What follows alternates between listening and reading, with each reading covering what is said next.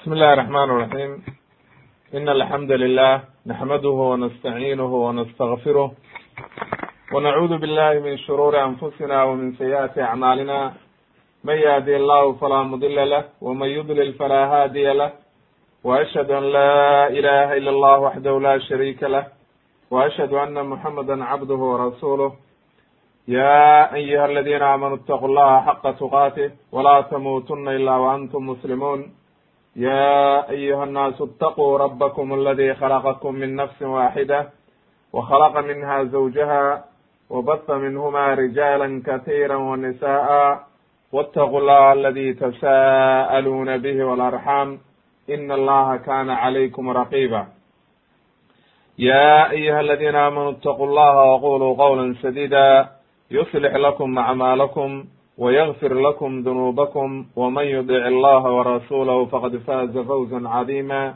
أما بعد فإن أصدق الحديث كلام الله وخير الهدي هدي محمد صلى الله عليه وسلم وشر الأمور محدثاتها وكل محدثة بدعة وكل بدعة ضلالة وكل ضلالة في النار in sha allahu tabaaraka wa tacaala waxaynu ku dhex jirnay qisadii nabiyullahi muusa calayhi salaam marxaladii koowaad baynu dhamaynay marka hadda waxaynu sharaxaynaa almarxalatu athaniya marxaladii labaad.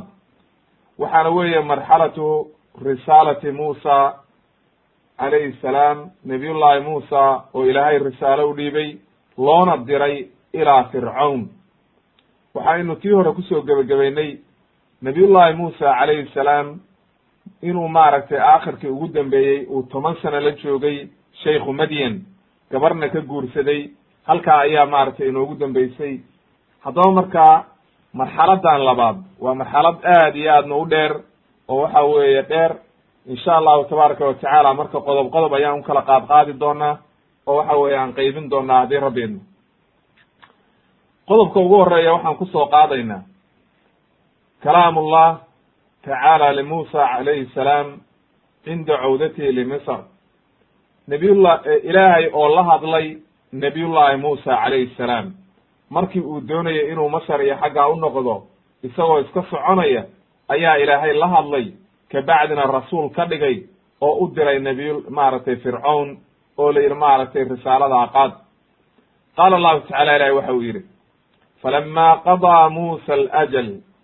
Musa alajla wasaara biahlihi aanasa min janibi tuuri naara qaala liahlihim kutuu inii aanastu naara lacalii aatiikum minha bikhabarin aw jadwatin min annaari lacalakum tasdaluun ilaahay aayaddan wuxuu inoogu sheegay nabiyullahi muusa waktigiisii markuu dhammaaday oo tobankii sano uu dhammaystay oo ninkii sodonkiisa ahaa uu tobankii sano ay ku ba sideeddii sano ay ku ballameen iyo labadii sano oo ugu daray markuu u dhammaystiray ayuu markaa ka soo tegi ahalkiisi iyo reerkiisiina waa soo kaxaystay.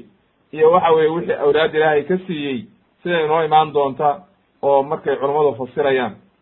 Laakiin aayadda macnaheeda guud waxa weeye waxa uu dareemay markaa uu arkay naar buu arkay dab buu arkay maaragtay jaaniba dhuur buurta dhuur siina dhinaceeda ayuu wuxuu ka arkay dab ololey markaasuu waxa uu ku yidhi ahalkiisii war halkaan jooga oo waxa weye sii suga aan bal soo fiiriye naartaas waxaa laga yaabaa inaan ka hela khabar ay macnaha bal dariiqii aanu ka dhunnay iyo waxa weye bal waxa inoo toosiya bal waxa weye maaragtay isii suga. Ama aanba dab idinka keena caashidataani ilaahay wuxuu yidhi falama aataaha nuudiya min shaadi'i ilwaadi alayman fi lbuqcati almubaaraka markii uu yimid ayaa waxaa looga dhawaaqay xagga shaadi ilwaadi alayman. Macnaha dhinaca ayaa jaanibka waadiga ayaa looga dhawaaqay dhinaciisa midigta muusa. Meeshii barakaysnayd oo ilaahay barakeeyey oo geedkii iyo meeshii maaragtay lagula kalaamayey weye hadhow baan maaragtay u kala qaad qaadi doonaa bal waxay culimmadu ka yidhaahdeen ilaahay waxau yidhi an yaa muusa inii ana allahu rabb alcaalamiin ilaahay baa la hadlay oo waxaa lagu yidhi muusow rabbigii ku abuurtay aniga weeye caalamka o dhanna abuuraye maaragtay wa an alqi casaak falama ra'aaha tahtazu kaanaha jaanun wallaa mudbiran walam yucaqib ya muusa aqbil walaa takaf inaka min alaaminiin ilaahay markuu la hadlay nabiyullahi muusa ayaa waxaa lagu yidhi ushaada dhulka dhulka dhig baa layidhi oo dhulka ku tuur markuu arkay dhul ushii dhulka ku tuuray ayay waxay isku bedeshay maaragtay abees ama halaq oo waxa weye marka ay istaagtay oo bahal noqotay markaasuu cabsaday oo waxa weye ka cararay. Markaasaa ilahay la hadlo waxaa lagu yidhi ha cabsanin oo waxa weeye cabsi agtaada ma taalo aamin baa tahay ha cabsanin. Haddana waxaa lagu yidhi mucjiso kale gacantaada geli baa la yidhi jeebka usluk yadaka fi jaybika takhruj baydaaa min gayri suu'in haddana waxaa la yidhi gacantaada waxaad gelisaa jeebkaaga waxaa haddana kuusoo baxaysaa iyadoo dhalaalaysa oo maaragtay ifaysa oo aan wax dhibaataa iyo wax barasa min gayri suu'in ay barasin ayay culummadu ku macneeyeen. Waynu sharixi doonaa insha allahu tabaaraka watacaala haddaba marka aayadahaas markuu ilaahay uu uu siiyey ayaa ilaahay wuxuu ku yidhi fadanika burhaanaani min rabbika ilaa fircauna wa mala'ih inahum kaanuu qowman faasiqiin. Macnaha gacantaa ololeysa oo ifaysa iyo waxa weeye ushaa halaqa noqonaysa labadaba ilaahay waxa uu kuu siiyey aayad iyo calaamad mucjisa orod waxa weeye waxaad u tagtaa fircawn iyo qoomkiisa faasiqiinta qaala ibnu kathiir raximahullah markuu aayadahan ka hadlayo waxa uu yidhi waxaa inoo soo hormartay nabiyullaahi muusa inuu dhamaystiray atama alajalayni waa inagii soo sharaxnay. Kabacdi markaa ayaa ilaahay waxa uu yidhi falama qadaa muusa alajala wa saara biahlihi wuxuu yidhi ay macnaha markii uu arrintii intuu u dhameeyey odagii sodogiisi ahaa oo waxa weye waktigii ay ku ballameen uu dhammaaday ayuu ka soo tegey marka. Marka wuxuu leeyahay ibnu kathiir raximahullah mufasiriintu waxay yidhahdeen nabiyullaahi muusa ayaa waxa uu jeclaystay maadaama toban sano uu reerkiisii ka soo maqnaa hooyadii iyo walaalihii iyo dadkiisii bal inuu soo booqdo oo mar uu maaragtay siyaaro ugu tago isagoo weliba isqarinaya inuu masar tago. Markaasuu soo tegey reerkiisii buu soo kaxaystay. Reerkiisii xaaskiisii gabadhii uu guursaday. Waxaa la socday ba la yidhi marka ay leeyihiin mufasiriintu laakiin wax daliila oo ku sugnaaday ma hayno. Waxay leeyihiin waxaa la socday laba wiil oo u dhashay. Labadii wiil magacyadoodii lama sheegin. Walcilmu cinda allah ilaah baa garanaya. Wuxuu kaloo watay bay dhaheen ari oo waxa weeye waktigaa uu faa'iidey xilligii uu shaqaynayey ari uu waxa weeye shaqaystay ayuu watay. Marka dee nin dhanoo reer dhan oo meel degan buu noqday. Waxa weeye reerkiisii ilmihii iyo xaaskiisii kolle xaaskii waa la sheegay. Laakiin biahlihi macnaha ahalkiisa hadde xaaskii iyo ilmihiisii iyo reerkiisii oo dhan ayay maaragtay noqonaysaa. Marka sidaa daraaddeed waxay leeyihiin laba wiil bay wateen. Laakiin ilaah baa garanaya wax daliila uma hayno waxay yidhahdeen marka mufasiriintu hameyn waxay waafaqeen arrintaasi hameyn ayay noqotay. Weliba mugdiya oo aad iyo aad u qabow markaasay dariiqii ka dhumeen. Waddadii bay kala garan waayeen meelay u socdaan bay garan waayeen. Qabowgiina waa ku adkaaday fa baynamaa huwa kadalika id absara can bucdi naaran ta'ajaj iyadoo xilligaa la marayo oo ay meelay aadaan garan la'yihiin oo waxa weeye ay hameen mugdiya tahay ayuu markaa waxa uu arkay muusa naar dab ololaya ayuu arkay. Jaanibka maaragtay fi jaanibi tuuri wa huwa aljabal waa buur wey markaasuu reerkiisii la hadlo waxa uu ku yidhi qaala liahlihim kutuu inii aanastu naaran. War halkaan sii jooga buu yidhi. Marka waxaad moodaa qowlkaa uu ibn uu leeyahay ibnu kathiir wuxuu yidhi halkaa waxaa laga garanayaa inaynan iyagu naarta arag ee isagu arkay. Leannahu naartaani waa nuur min allahi wey ma aha dab ma aha waa nuur weye baxaya hadda nuurkana qof walba ma arko. Marka nabiyullaahi muusa ilaahay ayaa doortay markaasaa ilaahay nuurkiisii tusay.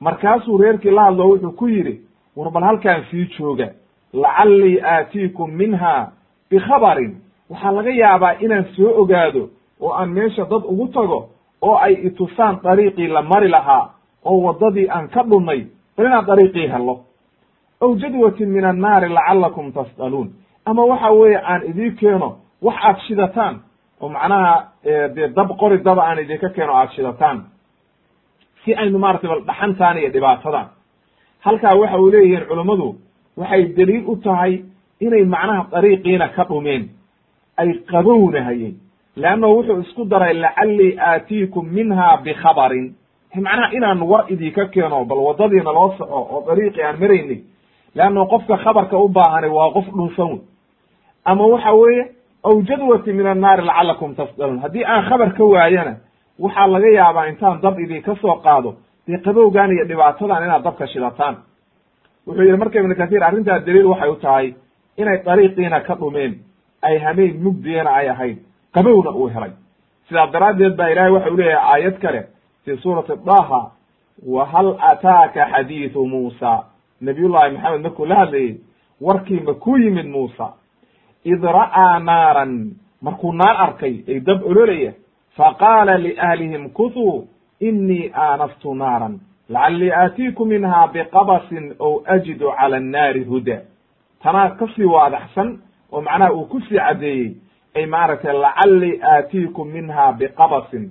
Qabasku waxa weeye waa qoriga dabka oo ololaya ow jadu ow ajidu ama aan ka helo cala annaari dadka dadka dabka dhul joo dabka jooga oo macnaha wixii dabkaa shidanaya huda dariiqii xaqa inay itusaan oo igu hanuuniyaan haddaba arrintaa waxay kutusaysaa marka inay mugdina ku jireen ay dariiqiina ka dhumeen ayay ayay kutusaysaa aayad kale sida uu ku yihi ilaahay fii suurati namli ilaahay waxa uu ku yihi id qaala muusa liaalihi inii aanastu naaran saaatiikum minha bikhabarin ow aatiikum bishihaabin qabasin lacalakum tas'aluun intaasoo aayadoodba waxay soo celceliyeen muusa mar walba inuu raadinayey dariiqii wax ku toosiya iyo dhaxantan wax ay ka shitaan oo waxa weeye ay kaga baxaan dhibaatadan laakiin labadiiba nabiyullaahi muusa waa helay oo waxa weeye dariiqii xaqa ahaana waa lagu toosiyey o ilaahay baa ku toosiyey laakiin isagu dariiquu raadinayey oo ahaa maaragtay xisiga aha waddada ahaa maahae mid ka khayr badan ayuu meeshuu kula kulmay. Dabkii uu raadinayeyna dee nuur iyo waxyi ka khayr badan ayuu la kulmay wey. Qaala allahu tacala ilahi waxa uu yidhi falamaa aataaha reerkii buu ka soo tegey. Meeshii buu uga soo tegey reerkii ayay leeyihiin leanna culummadu waa ka ilaahay uu dhahayo maaragtay wuxuu ahalkiisii ku yidhi qaala liahlihim kutuu si jooga halkan meeshii buu marka reerkii kaga soo tegey halkaa marka aayaddaa umkutuu dib dambe looma soo qaadin reerkii. Aayadaha qur'aankaay dib dambe reerkii uma soo qaadin. Nabiyullaahi muusa reerkiiba meeshiibu uga tegey. Ma intuu soo noqday buu reerkii kaxaystay walcilmu cinda allah ilaah baa garanay. Aayaduhu qur'aanka intaasay uga gudbeen. Ilaah baa garanaya marka marka ilahay waxau yidhi falamaa aataaha markuu yimid nuudiya waa loo dhawaaqay. Ilaahay baa u dhawaaqay min shaadi'i alwaadi alayman ay min janibi shaadi waa janibka waa dhinaca. Alwaadi alayman macnaha waadiga dhinaciisa midig oo macnaha nabiyullahi muusa dhinaciisa midig ayaa looga dhawaaqay. Isagoo meeshii waxay leeyihiin mufasiriinta sida inoo imaanaysa. Ayay ku tafsirinayaan laakiin horta aayadda aan dhamayno aayadaha waxa u leey wuxuu leey ilahay waxa uu yihi min shaadi alwaadi alayman fi lbuqcati almubaaraka meeshii ilaahay uu barakeeyey jaantii dhulka ahayd oo ilaahay barakeeyey min ashajara geedkii ilaahay subxaana qaadirkaa nuurku ka baxayey oo waxa weeye nabiyullahi muusa uu nuurka ka arkay ayaa ilaahay waxa uga dhawaaqo waxaa la yidhi an ya muusa inii ana allahu rabb lcaalamiin muusow aniga kula hadlayo waa rabb lcaalamiin allihii caalamka o dhan abuuray wey fii suurati namli ilahay waxa uu ku yidhi falama jaa'aha nuudiya an burika man fi nnaari waman xawlaha wa subxaana allahi rabi alcaalamiin waa la barakeeyey meeshaan nuurka ka baxaya iyo dabkan iyo eriyadeeda o dhan. Ilaahiyga subxaana qaadirka ahaa ayaana waxa weeye meeshaan xumaan oo dhan ka nasaan kulana hadlayo wey fii suurati dahna ilahi wuxuu ku yidhi falama aataaha nuudiya ya muusa markii uu u yimid ayaa ilaahay la hadlo waxaa lagu yihi muusow inii ana rabbuka aniga waxaan ahay allihii ku abuurtay fakhlacna calayka inaka bilwaadi almuqadasi duwa. Kabaha siib baa layidhi waxa aad joogtaa waadi barakaysan oo la sharfay oo xumaan oo dhan laga dhowray duwa waa waadiga magi magiciisii wey waa waadiga iyo webiga meeshaa togaas magiciisi ayaa duwa la ohan jiray. Wa ana akhtartuka fastamic lima yuuxa. Dhegaysaale anaa ku doortay baa la yidhi ilaahay baa hadlaya. Toos baa loola hadlay marka. Meleg u u dhexeeyaa ma jiro. Oo waxa weeye jibriil looma soo dirin. Ilaahay baa si toosa ula hadlay. Ilahay waxau yidhi wa ana اkhtartuka fastamic limaa yuuxa. Aniga ayaa ku doortay. Dhegayso waxa aan ku waxyoonayo inanii ana allahu laa ilaha ila ana facbudnii wa aqim الsalaata lidikrii aniga waxaan ahay buu yidhi allihii ilaahay aniga mooyaan cid kale jirin laa ilaha ila ana aniga mooye cid kale oo alla u xaq leh oo la caabudo ma jirto wey facbudnii aniga i caabud amar baa la siiyey aniga i caabud baa layi cid kale ha caabudin wa aqim isalaata salaadana og oo waxa weeye tuko lidikrii xusuustayda ina asaacata aatiyatun haddana waxaa loo sheegay qiyaamihii iyo waxa weye waxa dhici doona ayaa loo sheegay markii tawxiidkii lagu sugay tawxiidkii loo sheegay laa ilaha ila allah haddana salaadii la amray haddana waxa weeye cibaadadii la amray ayaa haddana ilaahay waxa u sheegay ina asaacata aatiyatun saacaddu way imaanaysaa akaadu ukfiiha litujzaa kula kulu nafsin bima tasca saacaddii way imaanaysaa laakin waan qarinayaa buu yidhi ilaahay. oo waxa weeye si waxay u imaanaysaa qarsoodiye. Waatuu ilaahay aayado kale ku lahaa laa ta'tiikum ila bakta macnaha kadis bay u imaanaysaa qiyaamihii sababtu maxay tahay iyo faa'idada ku jirtoo loo qarinayo? Litujzaa kullu nafsin bima tascaa. In ilaahigii subxaana qaadirkaa uu qof walba ka abaalmariyo waxa uu shaqaystay leannahu haddii saacaddii la sheego la yidhahda maalin hebley imaanaysaa oo dadkii o dhan loo wada sheego haddi waxa weeye qof walba si fiican uma shaqaynayo marka si waxa weeye waa la qariyey u shaqayso qiyaamihii waa imaanaya gooru imaanayana ma ogin ilahay waxau yidhi falaa yasuddannaka canha man laa yu'minu biha waatabaca hawaahu fatarda macnaha yayna kaa leexinin ba la yidhi qiyaamaha inaad rumaysid qof waxa weeye aan rumaynin oo mu'min ahayn hawadiisana raacay oo hawadiisu halaagtay fircoon iyo wixii la mida warkooda ha raacin ee ilaahay caabud. Qaala gayru waaxidu min almufasiriina min asalaf ayuu yihi ibnu kathiir nabiyullaahi muusa calayhi salaam markii uu qasdiyey oo uu aaday meeshii naarta ahayd. Uu naarta ka arkay oo uu u yimid. Mise waxa weeye waa geed qoyan oo waxa weeye naar ay ka baxayso. Geedkii waa qoyan yahay waa geed mina shajara oo waxa weeye geedaha geedka shajarka. Shajarka waa geed wey marka geedka magaciisa lama sheegin min ashajarati ayaa la yidhi. Marka wuxuu yihi wuxuu leyahy ibnu kathiir waa geed oo geedihii meesha ka baxayay ka mid ahaa wey dhinaca waxa weeye qarbiga oo qoraxu dhaca.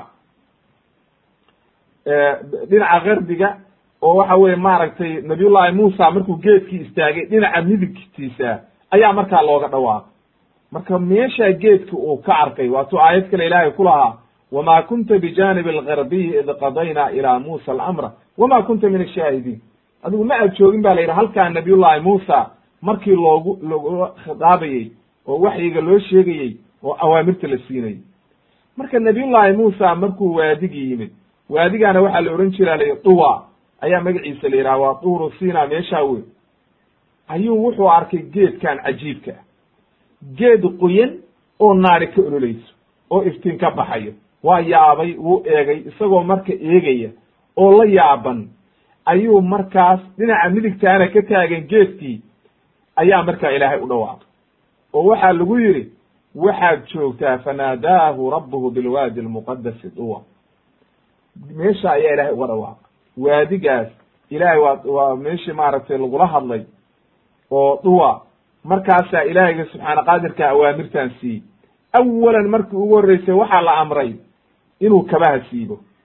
Iyadoo tacdiiman wa takriiman wa tawqiira meesha iyadoo la wanaajinayo oo la tacdiiminayo waa boqca meel barakaysan wey oo rabbigii subxaana qaadirkaa uu doortay wey.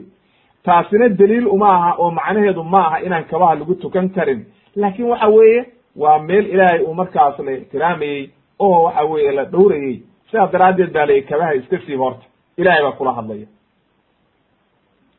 Kabacdi markuu kabihii siibey oo waxa weeye uu halkaa kabihii ku siibay ayaa haddana ilaahay la hadlay oo waxaa lagu yidhi ilaahayga subxaana qaadirka isagoo sidii doona ula hadlaya.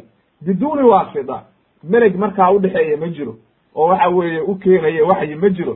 Ilaahay baa toos ula khitaabaya oo waxa weye toos ula hadlaya.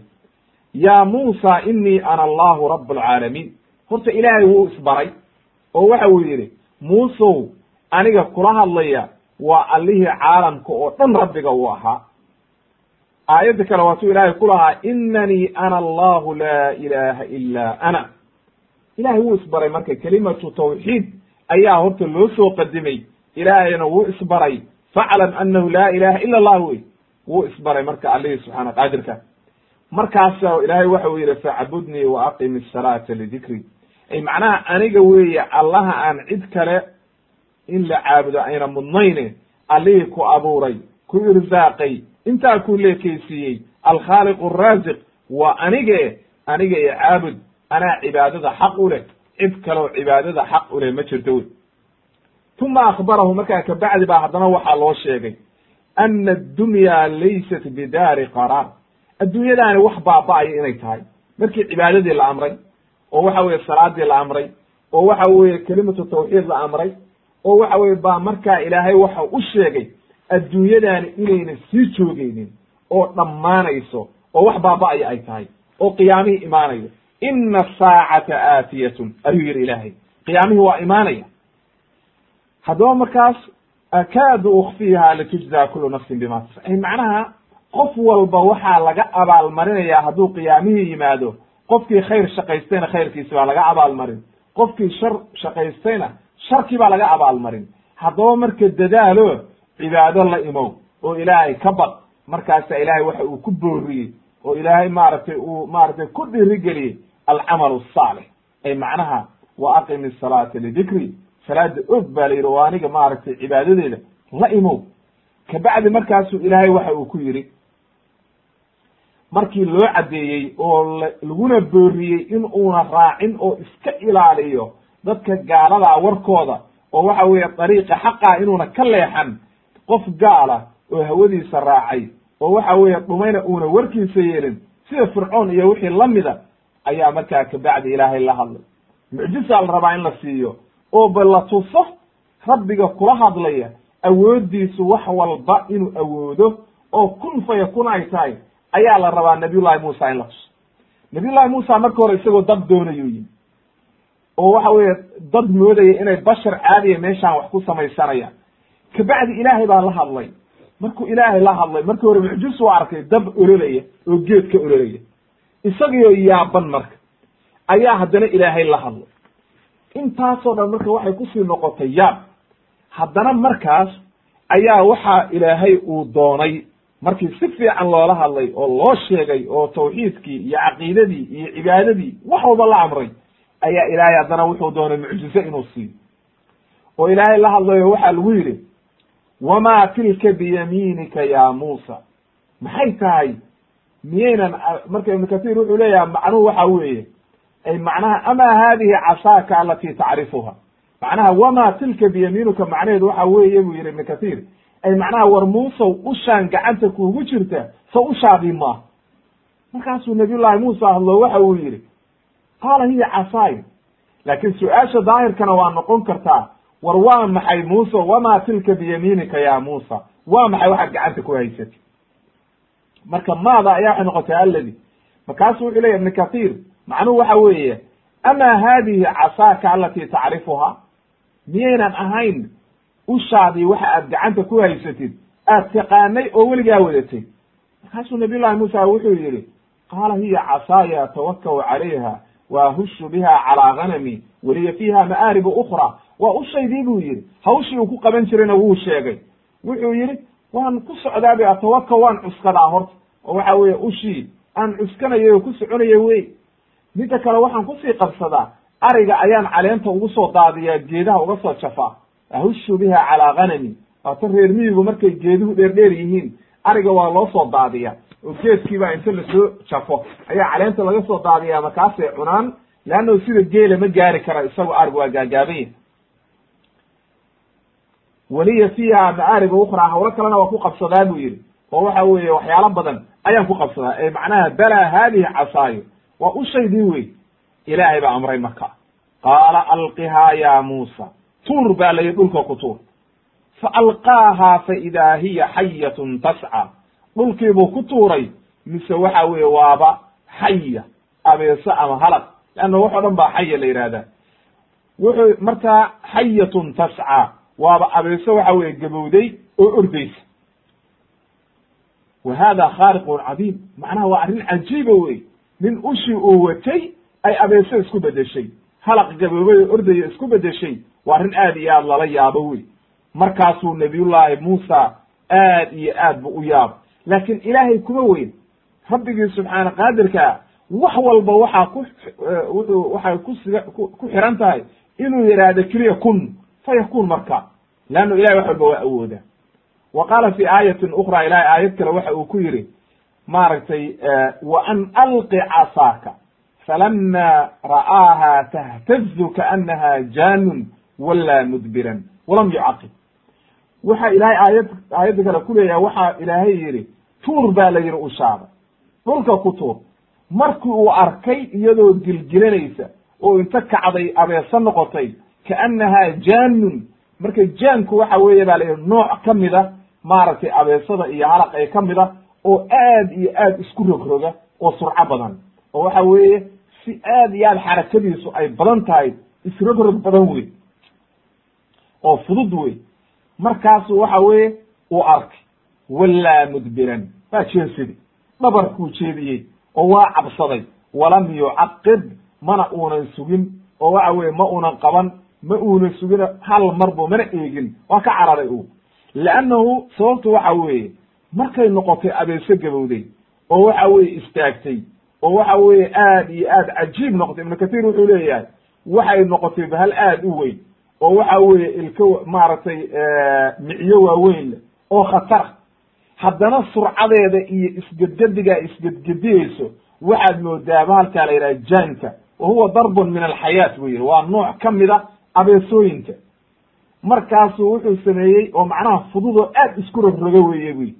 Wuu baqay marka nabiyullahi muusa leanno sababtu waxa weeye markii uu arkay ayuu wallaa mudbiran haariban ay minha macnaha iyadiibuu ka cararay leanno sababtu waxa weeye dabiicada basharka ayaa arrintaa keenaysa qofka basharka ah hadduu bahal arko ama waxa weeye soo ordaya wuu cararaya walam yucaqib ay walam yaltafit ma uu eegine horay buu u cararay oo dhabarkuu jeediyey fanaadaahu rabbuhu qaa'ilan ilaahay baa u yeeray marka yaa muusa muusow aqbil baa la yidhi soo qaabil oo ku soo jeenso oo ha cararin walaa takaf ha cabsanin inaka min alaaminiin. Aamin baa too wax ku gaaraya ma jiraan ba la yidhi. Ee qaabil bahashoo gacanta ku dhig oo waxa weeye ha baqin. Falama rajaca wuu soo noqday marka. Markuu soo noqday ayaa ilaahay wuxuu amray inuu qabto oo gacanta ku dhigo. Marka hore waxa la yidhaha horta soo qaabil ha cararine oo waxa weeye soo noqo. Markuu soo noqday ayaa ilaahay wuxuu yidhi khudha qaado ba la yidhi marka. Gacanta ku dhig walaa takaf hana cabsanin. Inaka min alaaminiin. Ilahay wuxuu yidhi marka may waxa lagu yidhi aayadda hore inaka min aaminiin waxay ahayd maaragtay aqbil. Lakin aayaddan dambe ilahay waxa uu ku leeyahay khudha walaa takaf sanuciiduha. Siirataha alula annaga ayaa kuugu soo celinayna sideedii hore eh ha cabsanine. Qabsadaa la yidhi usha. Oo waxa weeye abeesada gacanta ku dhig markaasuu gacantii la aaday markuu gacantii ku dhigay mise waa ushiisii?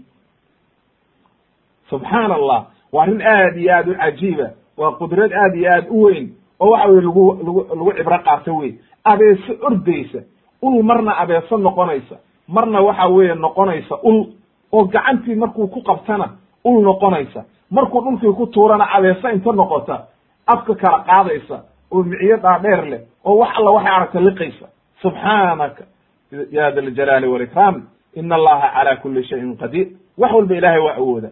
Uma amarahu tacaala haddana waxaa la amr la amray markaa ushii markuu horta qabtay oo ogaaday qudraddii ilaahay.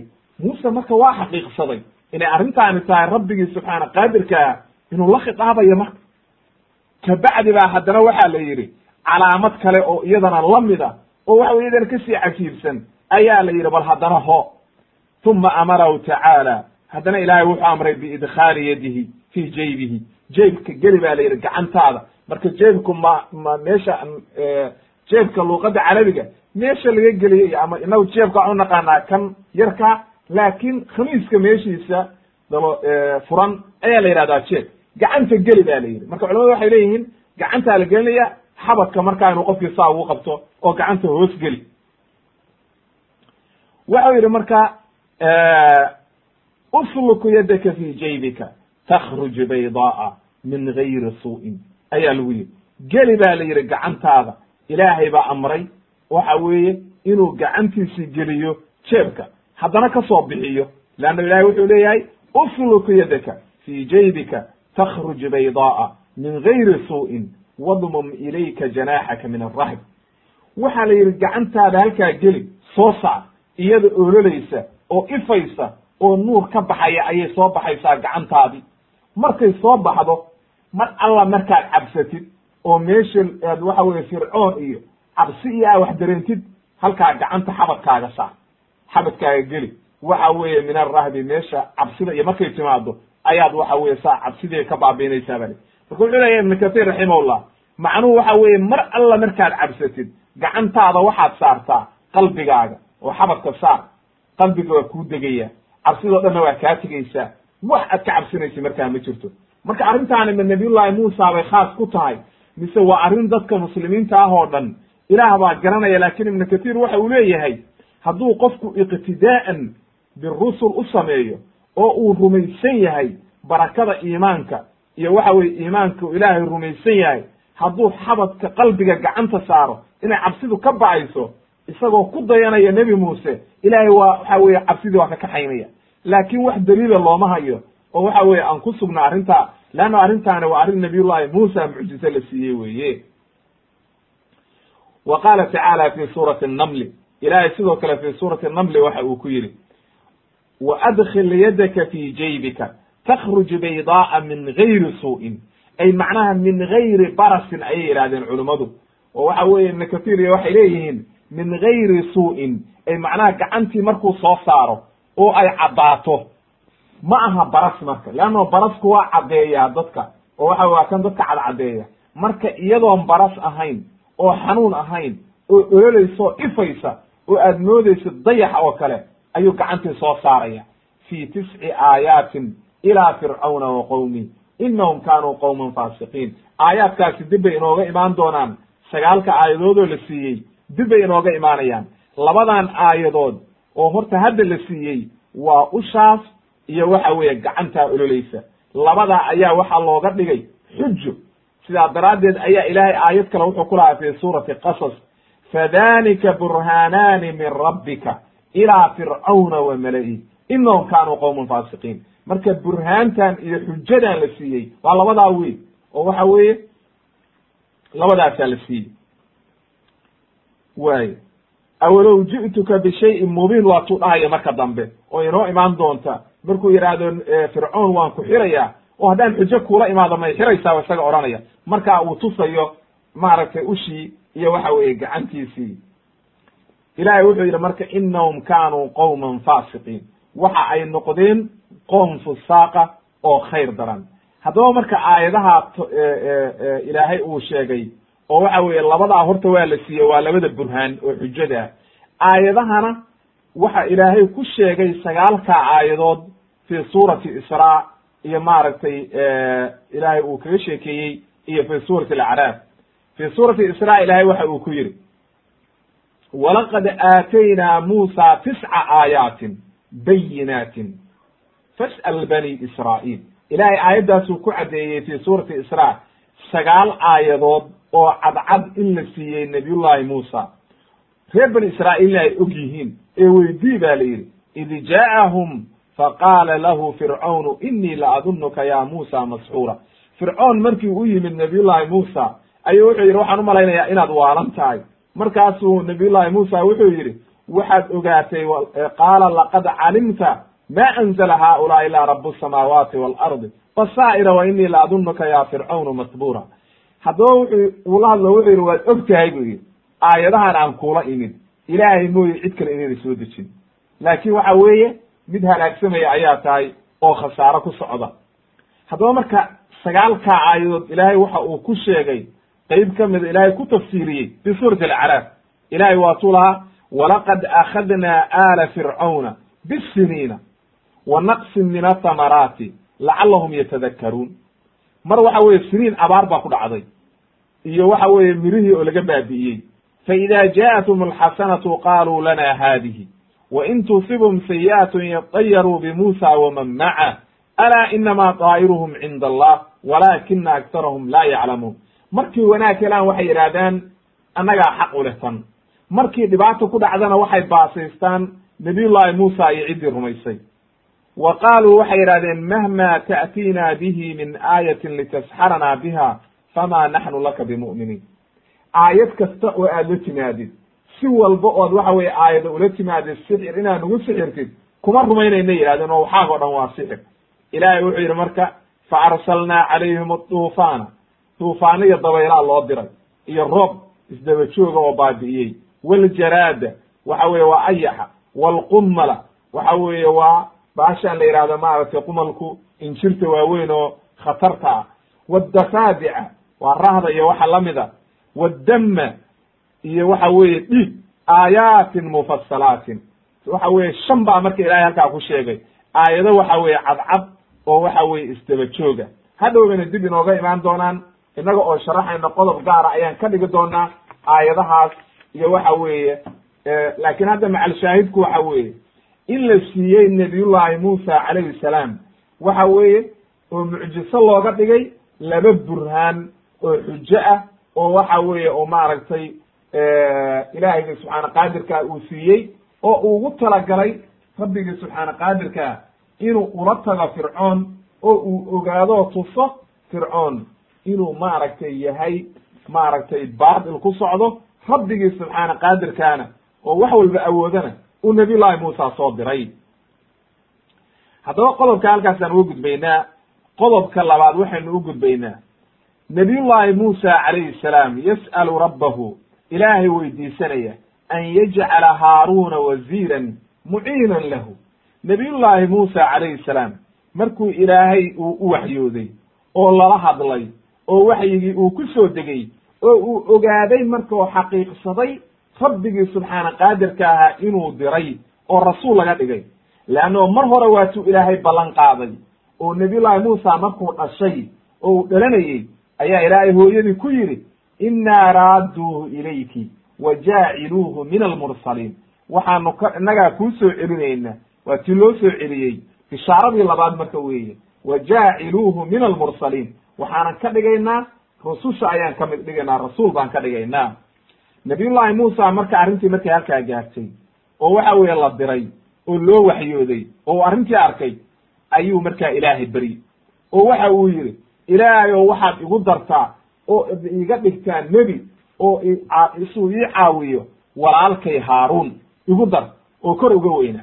Qaala ibnu katiir raximahullah waxa uu yidhi waalmaqsuudu arrintan waxaa loola delinayaa waxa weeye ana allaha subxaanahu amara muusa calayhi salaam nabiyullaahi muusa ayaa ilaahay amray inuu tago oo fircoon u tago oo uu waxa weeye uu diinta gaarsiiyo. Qaala waxa uu yidhi markaa muusa ayaa hadlay rabbi inii qataltu minhum nafsan fa akhaafu an yaqtuluun. Wuu cududaarto wuxuu yidhi allahayow waxaan ka dilay nin baan ka dilay. Waa ninkii qibdiga ahaa oo waxa weeye faqadaa muusa fawakazahu muusa faqadaa calayh waa inaga horey u soo sharaxnay. Waa ninkii sababtiisa uu masar oo dhan uga soo cararay markaasuu wuxuu yidhi ilaahayow nin baan ka dilay. Waana ka cabsanayaa inay idilaan wa akhii haaruunu walaalkay haaruun. Huwa afsaxu minii lisaanan. Isaga ayaa iga carab furan oo iga aftahsana carabkiisa si fiican u hadlaya. Oo waxa weeye xagga hadalka isaga igaga wanaagsan. Way inoo imaan doontaa marka sababta nabiyullaahi muusa hadalkiisu uu daciifka uga dhigayo. Oo waxa weeye muus uu leeyahay haaruun baa iga af wanaagsan oo iga carab fudud sababteeda waa inoo imaanaysaa. Qaala wuxuu yidhi marka huwa afsaxu minii lisaanan fa arsilhu maciya rid-an yusadiqunii ay macnaha inuu icaawiyo oo muciinan lii macnaha inuu icaawiyo oo arrintan igu caawiyo si ay ii rumeeyaan inii akhaafu an yukadibuun waxaan ka baqayaa inay ibeeniyaan ilaahu igu dar walaalkay. Ilahay waa ka ogolaaday marka waxa ilaahay uu yidhi qaala sanashuddu cadudaka biakhiika wanajcalu lakumaa sulطaanan falaa yasiluuna ilaykuma biaayaatina antuma waman itabacakum alghaalibuun ilaahay waa u ogolaado waxaa la waa lagugu daraya waana kugu adkaynaynaa inuu ku raaco walaalka waxa weeye waxaan kaloona idiin samaynaynaa suldaanan ee xuja macnaha inaynan agtiina ma soo mari karaan oo cid aad ka cabsataan yay jirin cid wax ida yeelaysa ma jirto weye qaala ibnu kahiir raximahullah waxa uu yidhi ilaahay wuxuu inoogu sheegay aayadahan nabiyullahi muusa markii la diray oo waxa weeye ilaahayga subxaana qaadirka uu la hadlay oo ilaahay uu u caddeeyey maaragtay waxyigii oo lagu soo dejiyey loona diray cadowullah cadowgii ugu weynaa fircoon oo ilaahnimada sheegtay anaa rabbukum alaclaa yidhi oo masar daraaddiina uu awal uga soo cararay ayaa loo diray. Orod aad baa la yidhi u tag baa la yidhi dacwada gaarsii markaasuu cududaarto wuxuu yidhi ilaahayow nin baan ka dilay. Waxa weeye ninkii qibdiga ahaa weye markaasuu ilaahay baryo wuxuu yidhi ilaahayow haaruun waxaad iiga dhigtaa wasiir icaawiye macnaha oo aniga arrinta ila qabta. Oo maaragtay aad iyo aad arrinta ila qabta. Ilaahayow isagana nebi iiga dhig. Markaasaa ilaahay ka ogolaaday oo waxyooday. Amaa qowlkiisana uu leeyahay huwa afsaxu minii lisaanan. Sababtaasi waxa weeye ayuu leeyahay ibnu kathiir maya qaar bu ka qaar baa ka horreeya horta markaasaan gaarayna. Ilaahay buu ka beryey markuu ilahay ka beryey ilahayna waa ka ajiibay.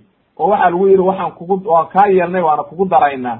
Waxaanan ku siinaynaa oo kale suldaanan ay burhanan mana agtiinana ma soo mari karaan. Suurad kale ilahay wuxuu ku yidhi fi suurati daha ayuu ilaahay waxau ku yidhi ilaahay markuu yihi nabiyullaahi muusa la hadlay oo uu yihi idhab ilaa fircawna inahu daga markii la tusay gacantii iyo ushii iyo wax walba ayaa waxaa la yidhi orod haddaba marka. U tag baa la yidhi fircoon wuu kibrey oo duqyaan buu sameeye orod baa la yidhi marka oo fircoon u tag inahu daga. Qaala rabbi ishrax lii sadri wayasir lii amri waxlul cuqdata min lisaani yafqahu qawli. Ilaahay uu beryo waxa uu yidhi ilaahayow arrinta qalbigee ku sharax arrintana ii fududee igana fur cuqda guntinta min lisaani macnaha carabku ayaa waxaa kaga taalay ba la yidhi meel maaragtay maaragtay go-an camal oonan hadalkii kari karin waxoogaa wuu carab la'aa. Sabab baa keentay buu marka leeyahay ibnu kathiir raximahullah waxa uu leeyahay. Sababtaasi waxay ahayd markii uu gurigii ku koray fircoon macnaha suqba meel go-an oo daloosho baa ka tilaya carabkiisa. Wuxuu leeyahy marka sababtaa waxaa keentay fircoon waatuu ku korayey gurigii nabiyullahi muusa waatuu ku koray gurigii fircoon maalin ayaa fircoon oo iska fadhiya oo meel fadhiya ayuu wiilkan oo yara oo kuraya intuu soo tegey ayuu gar ka qabtay buy oo garka ka jiiday markaasu iyo madaxa iyo markaasuu waxa uu is yidhi allayla inuu ku diluu rabaa wuu soo qabto o wuxuu yidhi hala dilo hala gawraco wiilkaan awal badanlaan baan u korsanaye haddeeruuba anigii isoo aade hala gawraco markaase aasiya waxay tiri waxa weeye xaaskiisii ayaa waxay ku tiri war waa ilmo yaroo sakiira muxuu kala ogyahay ilmahan? Waa ilmo yar. Bal fulaynimadiisa marka ninka intaa rabbinimana sheeganaya oo le anaa rabbukum ulaclaa ilmaha yarkaa oo garka qabtayna ka cabsanaya waa wax aad iyo aad u cajiib o markaasu wuxuu yidhi waan imtixaamaya. Wuxuu soo qaaday dhimbil daba dhuxul daba oo ololeysa iyo xaba timira. Intuu dhulka dhig meel buu saare wuxuu yidhi labadaa kala dooro mid qaado. Wuu ku soo gurdo wuxuu daaca inuu midii timirta ay qaato. Melku jibriil iyo meleg baa u yimid ilaahay baa ka leexiyey dhimbishii buu qaatay. Carabkuu saaray marka carabkuu gashaday. Markaasay waxay noqotay dee way gubtay oo jaan bay u yeeshay. Markaasuu xoogaa carab beelay marka. Sidaa daraaddeed marka ayaa keentay inuunan hadalka si fiican uunan u caddayn oo waxa weeye hadalkiisa uu xoogaa carab la'aa sidaa daraaddeed bu waxa uu leeyahay maaragtay ilaahay marka uu ka baryayo waxlul cuqdata min lisaani. Ilahay carabkana ii hagaaji oo waxa weeye carabkayga faseex ka dhig. Wuxuu leeyahay xasan albasri raximahullah wاrusulu inama yas'aluuna bixasbi alxaaja. Ma uu dhihin maaragtay ilaah xanuunkaan oo dhan iga qaad oo carabkayga o dhan ii hagaaji. E macnaha si ay ii fahmaan. Waatuu aayad kale kula yafqahu qawlii waa kan leh waxlul cuqdata min lisaani yafqahu qawli. Ay macnaha hadalkayga si ay u fahmaan ilahu hadalkayga inay fahmaan baa raba waxa weeye ma u weydiisan inuu kulli la caafiyo oo u caafimaado. Sidaa daraaddeed ayaa fircoon qabaxahullah nacladii ilaahay ha ku dhacdee waxa uu ku ceebeeyey nabiyullaahi muusa markuu qoomkiisi la oo ku yidhi am ana khayrun min hada aladi huwa mahiinun walaa yakaadu mubin walaa yakaadu yubin macnaha ma anaa ka khayr ma anaa khayr badan buu yidhi mise kanaa iga khayr badan. Waxa weeye miskiinka oo wuxuu haysto jirin oo waxa weeye la dullaystay haddana aan hadalkaba karin miyaad aniga ila mid dhigaysaan anoo rabbukum ulaclaa oo waxa weeye rabbigiiniye marka waxa weeye sidaa daraaddeed ayuu nabiyullaahi muusa hadalka wax yar waa shigshigi jiray ba la yidhi oo waxaa ka hadal faseexsanaa haaruun calayhi salaam ayaa waxa weeye ka hadal faseexsanaa sidaa daraaddeed buu leeyahay huwa afsaxu minii lisaanan fa arsilhu maciya rid-an yusadiqunii si ay ii rumeeyaan ilaahayow igu daro walaalkay haaruun oo nebi iiga dhig oo waxa weeye iraaci ayuu ilaahay ka baryey. Uma qaala muusa calayhi salaam wajcal lii wasiiran min ahli haaruuna akhi. Ilaah wasiir iiga dhig. Waxaad ahalkayga nin ka mida haaruunna iiga dhig walaalkay ushdud bihi asri ayuu aayado kale ilaahay ku keenay arrintayda igu adkee wa ashriku fii amri. Arrintana ila wadaaji oo isagana nebi ka dhig. Kay nusabixaka kahiira si aan aad kuugu tasbiixsanno oon kuu hufno wanadkuruka kahiira inaka kunta bina basiira. Intaasoo ducaa markuu isdaba dhigay nabiyullaahi muusa oo walaalkii uu aad ugu beryey ilaahay inuu nebi ka dhigo ayaa ilaahay u jawaabay oo wuxuu yidhi qaala qad uutiita su'laka ya muusa waa lagu siiyey. Wax alla waxaad i weydiisatay su'aashaadii su'laka waa su'aashii oo la soo yareeyey waan ku siiyey bali ay macnaha qad ajabnaaka ilaa jamiici ma sa'alta wa acdaynaaka aladi dalabta wax alla waxaadna weydiisatay waa kaa yeelnay. Walaalkaana waxaan kaaga dhignay wasiir iyo nebi. Waxa weeye maaragtay ayaan kaaga dhignay. Oo waxa weeye maaragtay arrintaas ayaa ilaahayga subxaana qaadirka ka ogolaaday leannu nabiyullahi muusa ilaahayga subxaana qaadirkaabaa doortay wastanactuka linafsi waatuu yihi ilaahay ilaahay baa doortay marka ilaahay agtiisa waxa uu ku leeyahay sharaf waatuu ilaahay aayad kale ku lahaa yaa ayuha aladiina aamanuu laa takunuu kaladiina aadow muusa fabara'ahu allahu mima qaaluu wa kana cinda allahi wajiha ilahay agtiisa sharaf buu ka lahaa nabiyullahi muusa wajihan ay macnaha nin ilaahay agtiisa sharaf ka leh oo waxa weeye qaaliya aad iyo aad ilaahay maaragtay xaggiisa sharaf uga leh ayuu ahaa. Sidaa daraaddeed ayuu ilaahay waxa uu leeyahay wa kana cinda rab wa kana cinda allahi wajiha ay sharaf buu ka lahaa. Sidaa daraaddeed baa ilaahay ka aqbalay. Aayad kalena waatuu ilaahay yidhi wawahabnaa lahu min raxmatina akhaahu haaruna waziira. Bal u fiirso ilaahay waxa uu leeyahay waxa aanu u siinay oonu u hibaynay walaalkii ayaanu waxaanu ugu hibaynay raxmad xaggayaga ka ahaatay in uu maaragtay aanu uga dhignay nebi haaruun ayaan nebi uga dhignay. Wuxuu leeyahay ibnu kathiir uu soo guurinayaa caaisha radi allahu canha um lmu'miniin ayaa waxay maqashay iyadoo loo socdo xajka nin weydiinayo dadkii odhanaya oo fii dariiqi alxaji iyagoo lagu jiro ayu lakhi amanu calaa akhiihi? Macnaha keebaa abaal iyo gallad ku leh labadan walaalaha ah haaruun iyo muusa ninkeebaa gallad leh oo abaal ku leh ninka kale. Maadaama nabiyullaahi muusana uu ilaahay u beriyey haaruunna markii dambe dee uu aad ula dadaalay oo in badan uu u dhimanayay oo la dadaalayay keebaa abaal iyo gallad ku leh. Markaasay aamuseen caaisha ayaa waxay tidhi waxaa abaal leh iyo gallad iyo wanaag muusa leannahu wuxuu u shafeeco qaaday walaalkii in nebi laga dhigo. Ilaahay buu ka beryey markuu ilaahay ka beryey in nebi laga dhigo ayaa ilaahay nebi ka dhigay. Ilaahayna waxa uu yidhi wawahabnaa lahu min raxmatina akhaahu haaruuna nebiya marka sidaa daraaddeed nebiyullaahi muusa ducadiisii iyo baryadiisii uu ilaahay beryey ayaa nebi looga dhigay nebiyullaahi haaruun oo waxa weye marka isagaa gallad iyo abaal iyo wanaag kule wey haddaba marka halkaa waxay nooga caddaatay nabiyullaahi muusa calayhi salaam oo la diray iyo haaruun oo labadiiba nebiye laga dhigay oo la diray oo loo diray fircoon.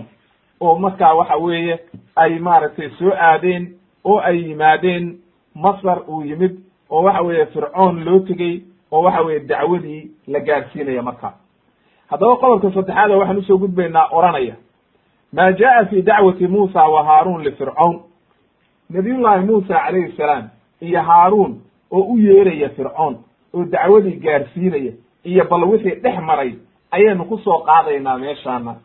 Qaala allahu tacaala ilahi waxa uu yidhi fi suurati shucaraa waid naadaa rabuka muusa an i'ti lqowma alظaalimiin qowma fircawna alaa yattaquun. Ilaahay waxa uu yidhi nabiyullaahi muusa ayaa loo dhawaaqay oo waxaa la yidhi orod u tag dadka dhaalimiinta ah oo reer fircoona oo aan ilaahay ka baqaynin orod dacwada gaadhsii qaala rabbi innii akhaafu an yukadibuun ilaahay waxaan ka baqayaa inay ibeeniyaan wayadiiqu sadrii walaa yanطaliqu lisaanii fa arsil ilaa haaruun. Wuu cududaarto waxa uu yidhi ilaahay waxaan ka baqayaa inay ibeeniyaan qalbigayguna uu buuxsamo oo ciriiri noqdo. Carabkana markaan hadli kari waayo waayo waataynu nidhi carabka ayaa ku dhegi jiray oo waa shigshigayey oo hadalkii waa inagii sababtii sheegnay. Fa arsil ilaa haaruun ayuu yidhi. Haaruun u dir. Walahum calaya dembun fa akhaafu an yaqtuluun waa cududaartay markii hore dembina waan ka galay oo nin baan ka dilaye dhibtaana waa i haysaaye ilaahay ow haaruun u dir buu yidhi qaala kallaa buu yidhi ilaahay laa buu yidhi ma jirta arrintaa fadhabaa adiga iyo haaruunba taga oo orda taga biaayaatina aayaadkayga la taga innaa macakumaa mustamicuun annaga ayaa ida maqlayn oo idinla soconne orda fa'tiyaa fircawna way yimaadeen oo fircown bay u yimaadeen faquulaa waxay ku yidhaahdeen innaa rasuulu rabbi alcaalamiin ilaahay baa na soo diray rabbiga caalamka ayaa na soo diray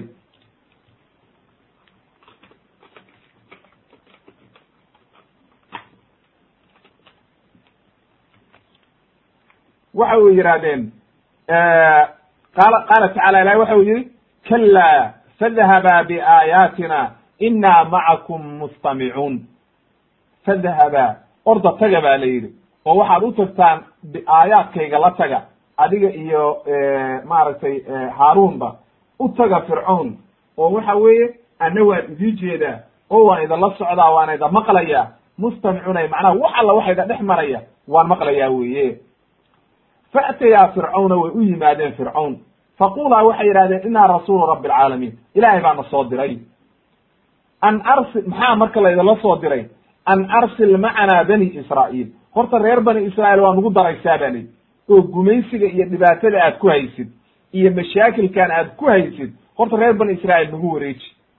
Oo waxa weeye reer bani israa'iil waad nagu daraysaa. Markaasuu hadlo waxa uu yidhi qaala alam nurabbika fiina waliidan? Walabista fiina min cumurika siniin? Miyaanu annagu ku rabbayn buu yidhi oo aadan gurigayga joogi jirin oo aanan ku soo korin oo aadan in badan oo cumrigaaga iyo waktigaaga ka mida da'daada sawta aniga ku soo koriyey.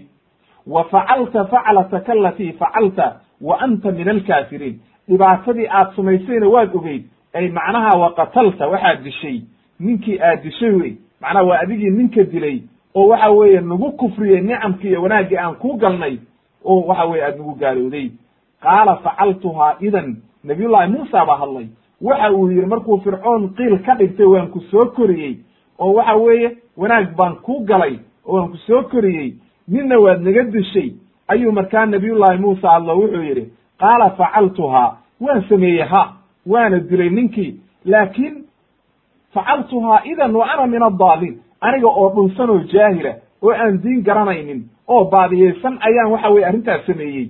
Fa farartu minkum waan idinka cararay lamaa khiftukum markaan idinka cabsaday oo aad idili lahaydeen fa wahaba lii rabbii xukman ilaahay ayaa xukum ismiyey marka oo waxa weye diin ugu soo dejiyey wa jacalanii min almursaliin rasuulna waa layga dhigay marka waxa weeye miyaad igu intaasoo dhan aniga jahli baa arrintaani hore u dhacday cududaar marka kama dhiganaysid maanta oo dacwada inaad ku hor istaagtid khalad baad horay u gashay aayaddaani daliil waxay u tahay oo caddaynaysaa inaan xujo looga dhigi karin qofku haddii ilaahay hanuuniyo oo dariiqa xaqaa ku toosiyo shalay saasuu ahaan jiray ama waa khaldan khaldanaan jiray ama macsi buu sameeyey daliil ma ah qofka waxa weeye alcibratu cibradu waxa weeye qofka lagu xukumayo hadda muxuu yahay? Oo waxa weeye hadda arrintiisu maxay tahay? Ma toobad keenay? Ma wanaagsanaaday dariiqu hadda ku taagan yahay ayaa la fiirinaya. Laakiin qofka xujo looga dhigi mayo waxa weeye saasuu ahaan jiray iyo saasaad ahayd waa hadal waxa weeye melegi galada waxba ahayn wey waa hadalkii fircoon daliishaday wey qaala facaltuha ida wa ana min adaalin fafarartu minkum waan idinka cararay lamaa khiftukum fawahaba lii rabbii xukman wajacalanii min almursaliin. Markaan idinka carday oon idinka tegey oo waxa weeye aan ka tegey masr ayaa ilaahay xukum siiyey oo waxa weeye nebi iga dhigay oo rasuul iga dhigay.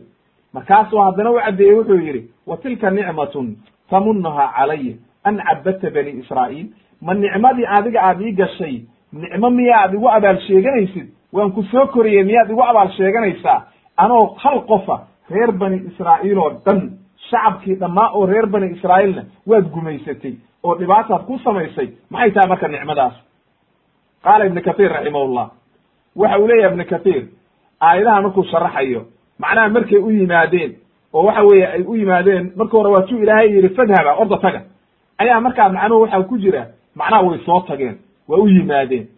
Marka halkan aayadahan kuma cadda markaan ilaahay uu leeyahay fadhaba nabiyullaahi muusa calayhi salaam maduru sina buu joogaa.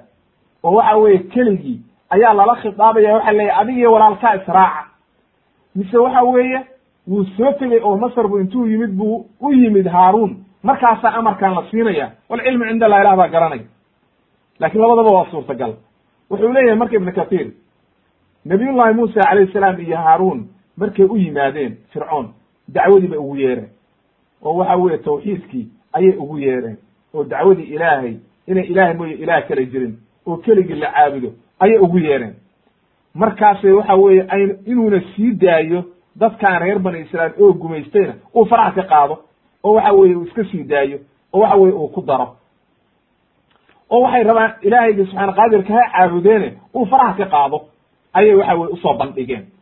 Markaasuu fatakabara fircawnu fii nafsihi wa cataa wa daqa wuu isla weynaaday oo waxa uu eegay nabiyullaahi muusa oo wuxuu ku yidhi intuu tanaqus ku sameeyey war wiiliyow xunkaa annagu aan shala soo korinay oo gurigeyga joogay alam nurabbika fiina walidan waxa weeye dadka juhaladaa dhan baa noocaasa. Shalaan saa kuu samayn jiray saasaan kuu yeelay anaa soo kori waxaama ka socon mayaan. Maanta maxaa la yahay wey nina waa nebi ilaahay rasuul ilaahay weye kaliimullah ilaahay baa la hadlay. Nina waxa weeye waa gaalkii gaalada ugu weynaa waxaa tahay marka ma jirto wey markaasu waxa weye u abaal sheegtay.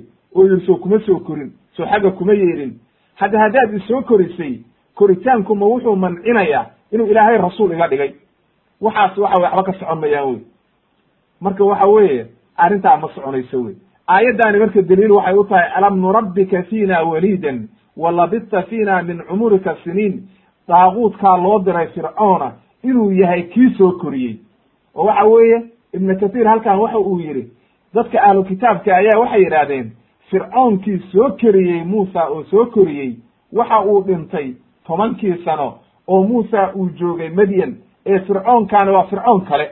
Leanno fircoon macnaheedu waxaynu niri sida culummadu ay yidhahdeen nin walba oo boqora oo meesha qabsada ayaa fircoon la ohan jira oo waxa weye fircoon waa macnaa boqor oo kale ama madaxweyne ama melik waa saas oo kale wey ee maaha magac qofka la yidhahdo wey laakin daliil waxay tahay aayaddaani inay khaldan yihiin ahlu kitaabku oo waxa weeye yahuud iyo waxay qoreen ay been tahay ee uu yahay isaga laftigiisa leanna isagaaba le alam nurabbika fiina walidan sabtaa inuu ku soo korinay oo wax intaa ku soo leekaynay.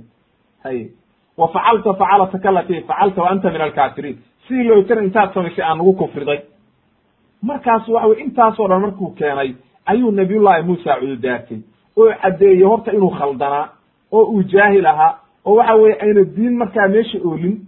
Ilaahaygi subxaana qadirkaana kabacdi marki uu ka cararay fa farartu minkum lamaa khiftukum. Markaan lafahayga la cararay oo naftayda aan kala cararay ayaa rabbigii subxaana qaadirkaa waxa uu isiiyey xukum iyo rasuulnimo iyo waxa weye min almursaliin iga dhig markaasuu kabacdi muusa hadlay oo wuxuu ku yidhi isagoo u jawaabaya waxa uu ku abaal sheegtay ayuu u jawaabay oo wuxuu yidhi fircoonow ma wanaagga aniga aad ii gashay oo aad sheeganaysid tarbiyadda yartaa oo aad isoo korisay iyo ma isku dhigmaan qabiil dhan oo reer bani israa'iila oo anigii aan ka dhashay adeeraday dadkaygii gacalkaygii kulli intaad gumaysatay oo waxa weye aada addoonsatay oo wiilashii laysay oo gabdhihii ku shaqaysatay miyaad aniga waxaad iigu abaal sheeganaysaa waan ku soo koriyey. Maxay qiimaahoo leeda marka qof dadkaaga oo dhan dhibaateeyey oo ehelkaagii oo dhan baabi'iyey wanaagga uu adiga kuu taray waxay tahay ma jirto. Qofku waxa weeye ma aha haddii aad mar qofka dadkiisii dhibaysid wanaag baan adiga kuu galay waxba ma tarayso wey. Marka shacab dhan bikaamilihi intaad gumaysatay oo dhibaato ku samaysay ayaad aniga waxaad ileedahay waan ku soo koriyey. Markaasu waxa uu ku yidhi wa tilka nicmatun tamunuha calaya an cabadta bani israa'iil. Ay macnaha ma nicmo iyo wanaag laysugu abaal sheegtaa? Ma waxay qiimaahu leedahay miyaa jirta waan ku soo koriyey. Intaad qabiil dhan baabi'isay oo dad dhan aad halaagtay oo qaar dishay oo aad qaar gowracday oo gumaysatay. Waa maxay qiimaha? Aniga aad ii sheeganaysa maxay qiimaahu leedahay waxaas? Halkaa markay ka xirantay marka xiwaar baa socda dood baa socota waa la doodayaa nabiyullaahi muusa calayhi salaam iyo haaruun oo halkaan taagan iyo waxaa halkaana ka soo jeeda fircoon iyo waxa weeye dadkiisii. Marka kalaam badan ayay maaragtay keenayaan reer bani israa'iil oo waxa weeye uu ibnu kathiir soo guurinaya oo fara badan oo waxa weye ahlu kitaabku ay soo guurinayaan oo aad iyo aad u fara badan. Waxay leeyihiin waxaa ka mid a macnaha saxiix iyo wuxuu yahana lama garanayo waxay leeyihiin nabiyullaahi muusa markuu u yimid oo waxa weeye uu magaaladii soo galay oo haaruun u yimid iyo hooyadii ayuu wuxuu ku yidhi habeennimo mu haaruunow ilaahay baa i amray waa laysoo diray arrintiibuu ku dul akriyey ina keen ninkaan fircoon baan u tegaynaa. Habeennimuu marka gurigiisii ku garaaceen markaasu waxa weeye waardiyihii iyaa u diiday markaasu waxa weeye intuu iyagii oo dhan indhahoodii ilaahay dab ka siiyey ayuu albaabkii inta ushiisii ku dhuftay oo galay ayuu fircoon dul istaagay markaasuu naxay mise muusa waa dul taagan. Laakiin kalaamkaasi wuxuu u baahan yahay wax adilo ah oo saxiixiya. Ma hayno marka. Calaa kulli xaal doodan dheer ayaa ilaahay ka sheekeeyey iyo xiwaarkii dhex maray muusa calayhi salaam iyo fircoon lacanahu allah. Fircoon waa hadlo waxa uu yidhi. Qaala ilaahay waxa uu yidhi kama qaala tacaala qaala fircawnu wamaa rabu lcaalamiin waa maxay buu yidhi rabbilcaalamiinkan aad sheegaysid oo aad leedahay rabbilcaalamiin ayaa isoo diray. Qaala rabu samaawaati nabiyullahi muusa baa hadlay oo waxa uu yidhi rabu samaawaati waalardi wamaa baynahuma in kuntum muuqiniin. Ilaahaygii waxa weeye abuuray samaawaadka dhulalka abuuray inta udhaxaysa haddii aad wax rumaynaysaan. Fircoon baa hadlay isagoo jees jeesaya oo doonaya inuu istihzaa ku sameeyo oo waxa weye lagu qosqoslo qaala liman xawlahu alaa tastamicuun kuwii la joogay iyo madaxdiisii iyo kuwii u naageynayo waxa weye shacabka u tumayey oo waxa weye maaragtay baarlamankiisi ahaa. Shacabka unba iskaga garaacayaan. Waxa maanta joogana waa nooca. Ninka madaxweynaha wuxuu doona u iskaga hadlaya shacabka un baa loo garaacin. Khalad iyo saxba waa loo sacabinu waa cajiib wey qofka markii caqliga laga qabsado oo waxa weye meel u socdayo meel kale toonna una aqoon wuxuu iska noqonayaa itibaacu kula naaci. Meel walba waa iska raacaya. Kuwii marka hareerihiisa fadhiyey oo waxa weeye arrintiisi ag fadhiyey ayuu wuxuu ku yidhi miyaydaan maqlaynin wax uu ku hadlayo? Markaasaa nabiyullaahi muusa hadlay oo waxa uu yidhi rabbukum wa rabbu aabaa'ikum alawaliin waa allihii idinkayda abuuray. Ile fircoon baa rabbinimo sheeganaya. Marka halkan horta fircoon waxaa halkan loogu loogala hadlayaa tawxiid rububiya horta in la sugo wey leanna sababtu waxa weeye dadkan wuxuu ka dhaadhiciyey inuu isagu rabbi u yahay oo isagu waxa weeye uu wax walba abuuro oo rabbi u yahay ayuu ka dhaadhiciyey. Ana rabbukum laclaa buy allihii ma sarreeye waani haddaba marka tawxiid rububiya ayaa horta lagu garaacaya oo lagala hadlaya. Tawxiid aluluhiya weli lama gaarin. Qaala wuxuu yihi rabbukum wa rabbu aabaa'ikum alawaliin allihii adiga ku abuuray wey idinkayda abuuray kulligiin saa u dhantihiin. Iyo aabbayaashiina idinka horreeyey. Markaasuu haddana hadlay fircoon wuxuu yidhi qaala ina rasuulakum aladii ursila ilaykum lamajnuun bal khayaanadii safiiri iyo tuugnimada uu samaynayo wuxuu doonayaa inay waxa weeye dadkan dhegaysanaya maskaxdooda inuu khaldo. Wuxuu yidhi ina rasuulakum isagu ma oran rasuulka laynoo soo diray isagu waa iska reebaya gaar buu iska dhigaya wuxu ley anigu rabbi baan bahay. Laakiin rasuulkan idinka laydiin sii diray laydiin soo diray waaba mid waalan wey bal u fiirso la majnuun.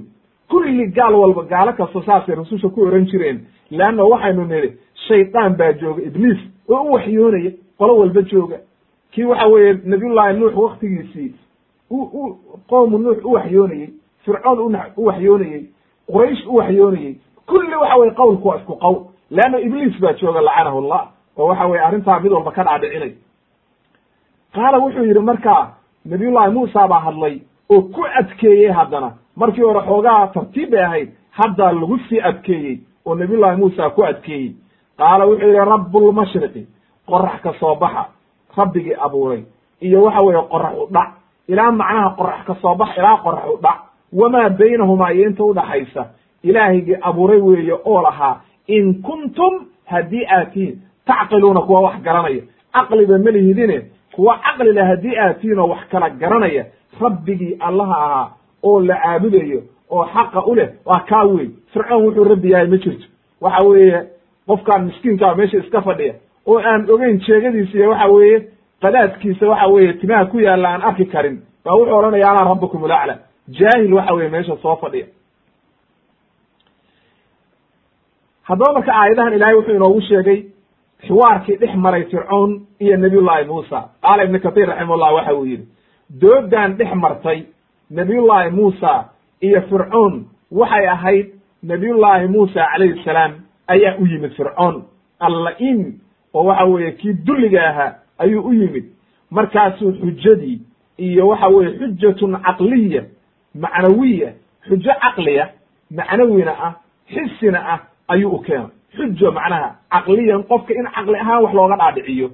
Oo wuxuu ku yidhi macnaha caqli ahaan bu wax u tus markuu caqli ahaan wax u tusay leannahu sababtu waxa weeye fircoon wuxuu dadka ka dhaadhiciyey inaan ilaah jirin wax abuuray ee rabbiga wax walba abuuray inuu isaga yahay oo wuxuu yidhi anaa rabbukum ulacla ayuu ka dhaadhiciyey. Haddaba marka fircoon sidaasu wuxuu uleeyahay markuu hadlayo waa tuu lahaa. Ana rabbukum ulacla aayad kale waa isagii ku lahaa maaragtay maa calimtu lakum min ilaahin hayr ay ya ayuha almala-u maa calimtu lakum min ilaahin hayri ma garanayo ilaah kale oo aad leedihiin aniga aan ahayn. Fiirsa marka heerka uu gaaray lacanahu llah waa heer adag buu gaaray. Haddaba marka nabiyullahi muusa calayhi salaam wuxuu ku garaacay xujadii oo u caddeeyey wuxuu tusay inuu yahay addoon ilaahay uu abuuray inuunan allah ahayn inuunan rabbi ahayn allihii wax walba abuuray. Khaaliqu samaawaati waalardi alkhaaliqu albaari almusawar laa ilaha ila hu alilaahu alxaq ayuu u caddeeyey oo wuxuu yidhi allaha xaqa ah oo wax walba abuuray rabbiga isoo diray wey wuuna og yahay fircoon oo waxa weye arrintaani inay saxiix tahay qalbigiisa waa ka ogyi ee wuxuu doonayaa inuu dadka khaldo. Leanno aayad kale waatuu ilaahay ku lahaa fii suurati namli wajaxaduu biha wastayqanathaa anfusuhum dulman wa culuwa. Fandur kayfa kana caaqibatu lmufsidiin marka way ogaayeen jaxdiga waxaa la yidhahdaa loo isticmaalaa kufru ljuxuud waa nooc ka mida kufriga aljuxuud waxaa loo isticmaalaa marka qofku markuu waxa isagoo og oo garanaya inay sax tahay uu haddana diido. Ayaa la yidhahdaa kufru ljuxuud wuu diiday wey isaga oo garanaya. Wastayqanathaa anfusuhum marka wuu ogaa nb maaragtay fircoon inuunan ilaah ahayn inuunan rabbi ahayn rabbiga soo diray nabiyullahi muusana wuu garanayey ilaahayga subxaana qaadirkaa wax walba abuuray. Wuu ogaa oo waxa weye wuu garanayay. Laakiin isagoo doonaya inuu dadkii khaldo oo iskala weynaaday ayuu calaa sabiili alistihzaa iyo inkaar ayuu wuxuu u yidhi isagoo inkiraya wamaa rabbulcaalamiin waa maxay rabbilcaalamiinkan aad sheegaysa? Wuxuu leeyahay marka ibnu kathiir raximahullah qowlkaas su'aasha ah wamaa rabbulcaalamiin waxa weeye markuu yidhi nabiyullahi muusa inaa rasuulu rabbi alcaalamiin markay yidhaahdeen ayuu wuxuu ku yidhi wamaa rabbulcaalamiin arrintaa laba macne ayay xambaari kartaa. Macno inuu ula jeedo uu leeyahay waman rabu lcaalamiin aladi tazcumaani aladi tazcumaani annahu arsalakuma. Waa maxay rabbigaan ida soo diray oo aad leedihiin waana soo diray? Markaasaa nabiyullahi muusa u jawaabo wuxuu yidhi macnaha macno kalena way xambaari kartaayo. Waxa weeye inay tahay macnaha uu leeyahay ma rabbi aniga aan ahayn baa jira. Ayuu aayadda gadaal bayna ka imaan doontaa lain itakadta ilaahan gayri la ajcalanaka min almasjuuniin markuu odhan doono. Marka qowlkana wamaa rabbulcaalamiin labadaa macnoba wuu xambaaraa inuu ka wado aniga ilaaha aan ahayn oo aad sheeganaysid muxuu yihi iyo inuu ka wado war waa maxay? Allahan ida soo diray oo uu inkirsan yahay. Laakiin uu ogol yahay horta ilaah kale inuu jiro. Inaa rasuulu rabbi alcaalamiin markaa waata yidhahdeen markaasuu wuxuu yidhi qaala rabu asamaawaati waalardi wamaa baynahumaa in kuntum muuqiniin. Ay haddii aad rumaynaysaan rabbiga aniga soo diray waxa weeye rabbigii allaha dhulka abuuray samawaadka abuuray wax walba o udhexeeya abuuray. Samada aad arkaysaan hawada aad arkaysaan buuraha idinkayda abuuray wax walba abuuray. Nabaadka soo bixiyey hawadaa udhaxaysa wax walba allihii subxaana qaadirkaa leannahu xaqiiqatan waxa uu qof walba og yahay. Wax iyagu iska yimid oo aan la abuurin ma jiraan. Wax walba waa la abuuray ilaah baana abuuray. Walaa budda wax walba inay yeeshaan alla abuuray oo khaaliqa wa huwa allahu aladi laa ilaha illa huwa rabb alcaalamiin allihii ilaahgii rabalcaalamka ah oo wax walba abuuray kaa weeye. Marka fircoon waxa uu sheeganayo waa been weyn oo waxa weye waxba kama jiraan qaala fircawn markaasuu hadlay oo intii u dhow dhoweyd waxa uu ku yidhi qaala liman xawlahu alaa tastamicuun? War miyidan maqlaynin waxa uu ku hadlaya ninkaani. Arrinta uu sheeganayo miyidan ku hadlay miyidan miyidan u jeedin ayuu yidhi markaasuu nabiyullah isagu istihzaabu ka wadaa oo wuxuu rabaa in lagu qosqoslo. Markaasaa nabiyullaahi muusa hadlay oo wuxuu ku yidhi intuu hadlay rabbukum warabbu aabaa'ikum alawlin idinka iyo meeshan farfadhiya kulligiin saa u dhantiin maca fircoonkiina iyo aabbayaashii idinka horreeyey allihii abuuray wey allaha aad diidaysaan oo waxa weye rububiyadiisa aad inkaraysaan. Oo aabbayaashiin iyo kulli abuuray weye qof walbana waa og yahay inuusan isagu is abuurin. Idinkan meesha fadhiyana waa ogtihin inuuna fircoon ida abuurin oo kulligood waa og yihiin laakiin maskaxdiidaa laga qabsaday oo waa khaldan yihiin. Sidaas daraaddeed ayaa rabbigii subxaana qaadirkaa aayad kale waxa uu ku leeyahay. Markuu ilahay sa aayad kale ilahay waxa uu ku leeyahay sanurihim aayaatina fi laafaaqi wa fi anfusihim xataa yatabayana lahum anahu alxaq marka qof walba hadduu naftiisa keliya eego wa fi anfusikum afalaa tacqiluun qof walba hadduu naftiisa eego aabbayaashi eego dadkiisa eego uu dhulka eego wuu garanayaa allihii abuuray inuu allah yahay e aan cid kale waxaan samayn karin. Intaasoo dhan iyadoo loo sheegay oo waxa weeye fircoon lagu dul akriyey madaxiisa kor uma qaadin. Iimaanna ma gelin leannahu ilaahay baa khasaaro la maagay iyo iyo baadinimo oo qalbigiisa xanibay wey markaasuu hadlo wuxuu yidhi isagoo xanaaqsan oo doonaya inuu waxa weeye uu ka dhaadhiciyo dadkaan inuu khaldan yahay ninkan ayuu wuxuu yidhi ina rasuulakum aladi ursila ilaykum lamajnuun. Wuxuu iska duwayaa aniga la ima soo dirin buu leeyahy idinkaa la idiin soo diray. Anigu rabbi baan ahay laakiin ninkan waa nin waalan. Nabiyullahi muusa baa jawaabay oo wuxuu ugu jawaabay wuxuu yidhi rabu lmashriqi waalmaqribi wamaa baynahuma in kuntum tacqiluun. Haddaad wax kala garanaysaan rabbigii subxaana qaadirkaa oo oo xidigahan iyo samada iyo dhulka iyo kawaakibta a ujeedid wax walba abuuray. Rabbigaa subxaana qaadirkaa ayaan anigu dadka ugu yeeraya haddaad marka caqli leedihiin oo wax garanaysaanna ilaahay rumeeya oo raaca haddiidan caqli lahaynna hadde waxa weeye idinkaa halaagsamay. Leannahu waxa weye rabbigii wax walba abuuroo noocaasaa u isugu dubariday ayaa waxa weeye mudan in la caabudo oo la raaco.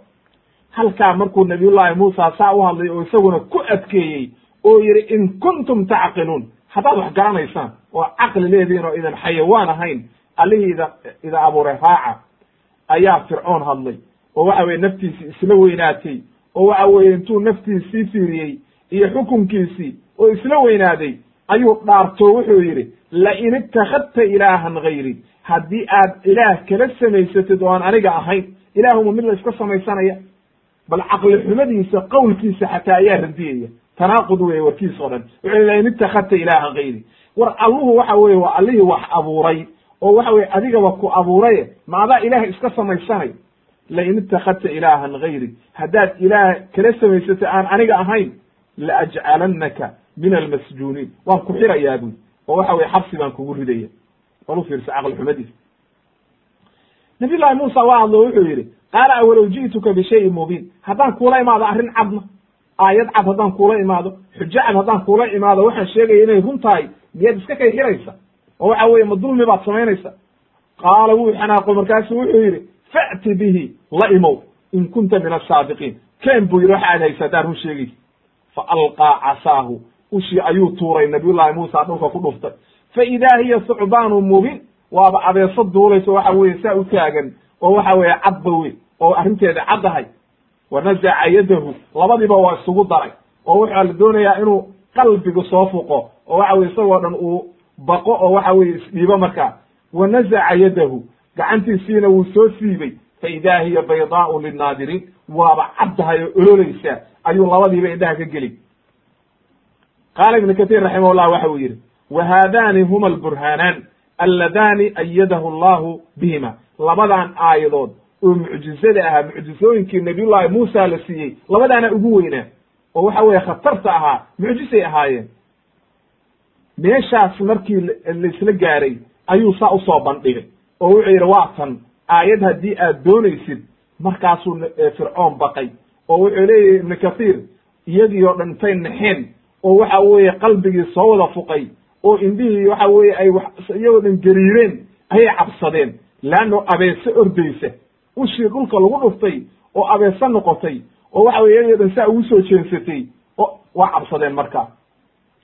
Marka waxaa leeyahay ibnu kathiir waxau leeyahay waxaa la yidhi markuu arkay fircoon ayuuba baqayba isagii o dhan baa gariiray.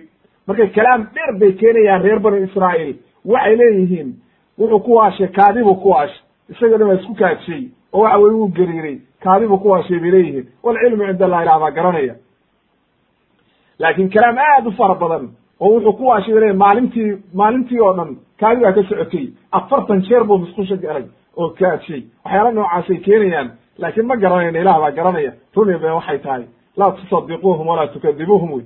Waa isaga gudbaynaa wuxuu yidhi marka ibnu kathir raximahullah intaasoo dhan markuu arkay haddana ma anficin.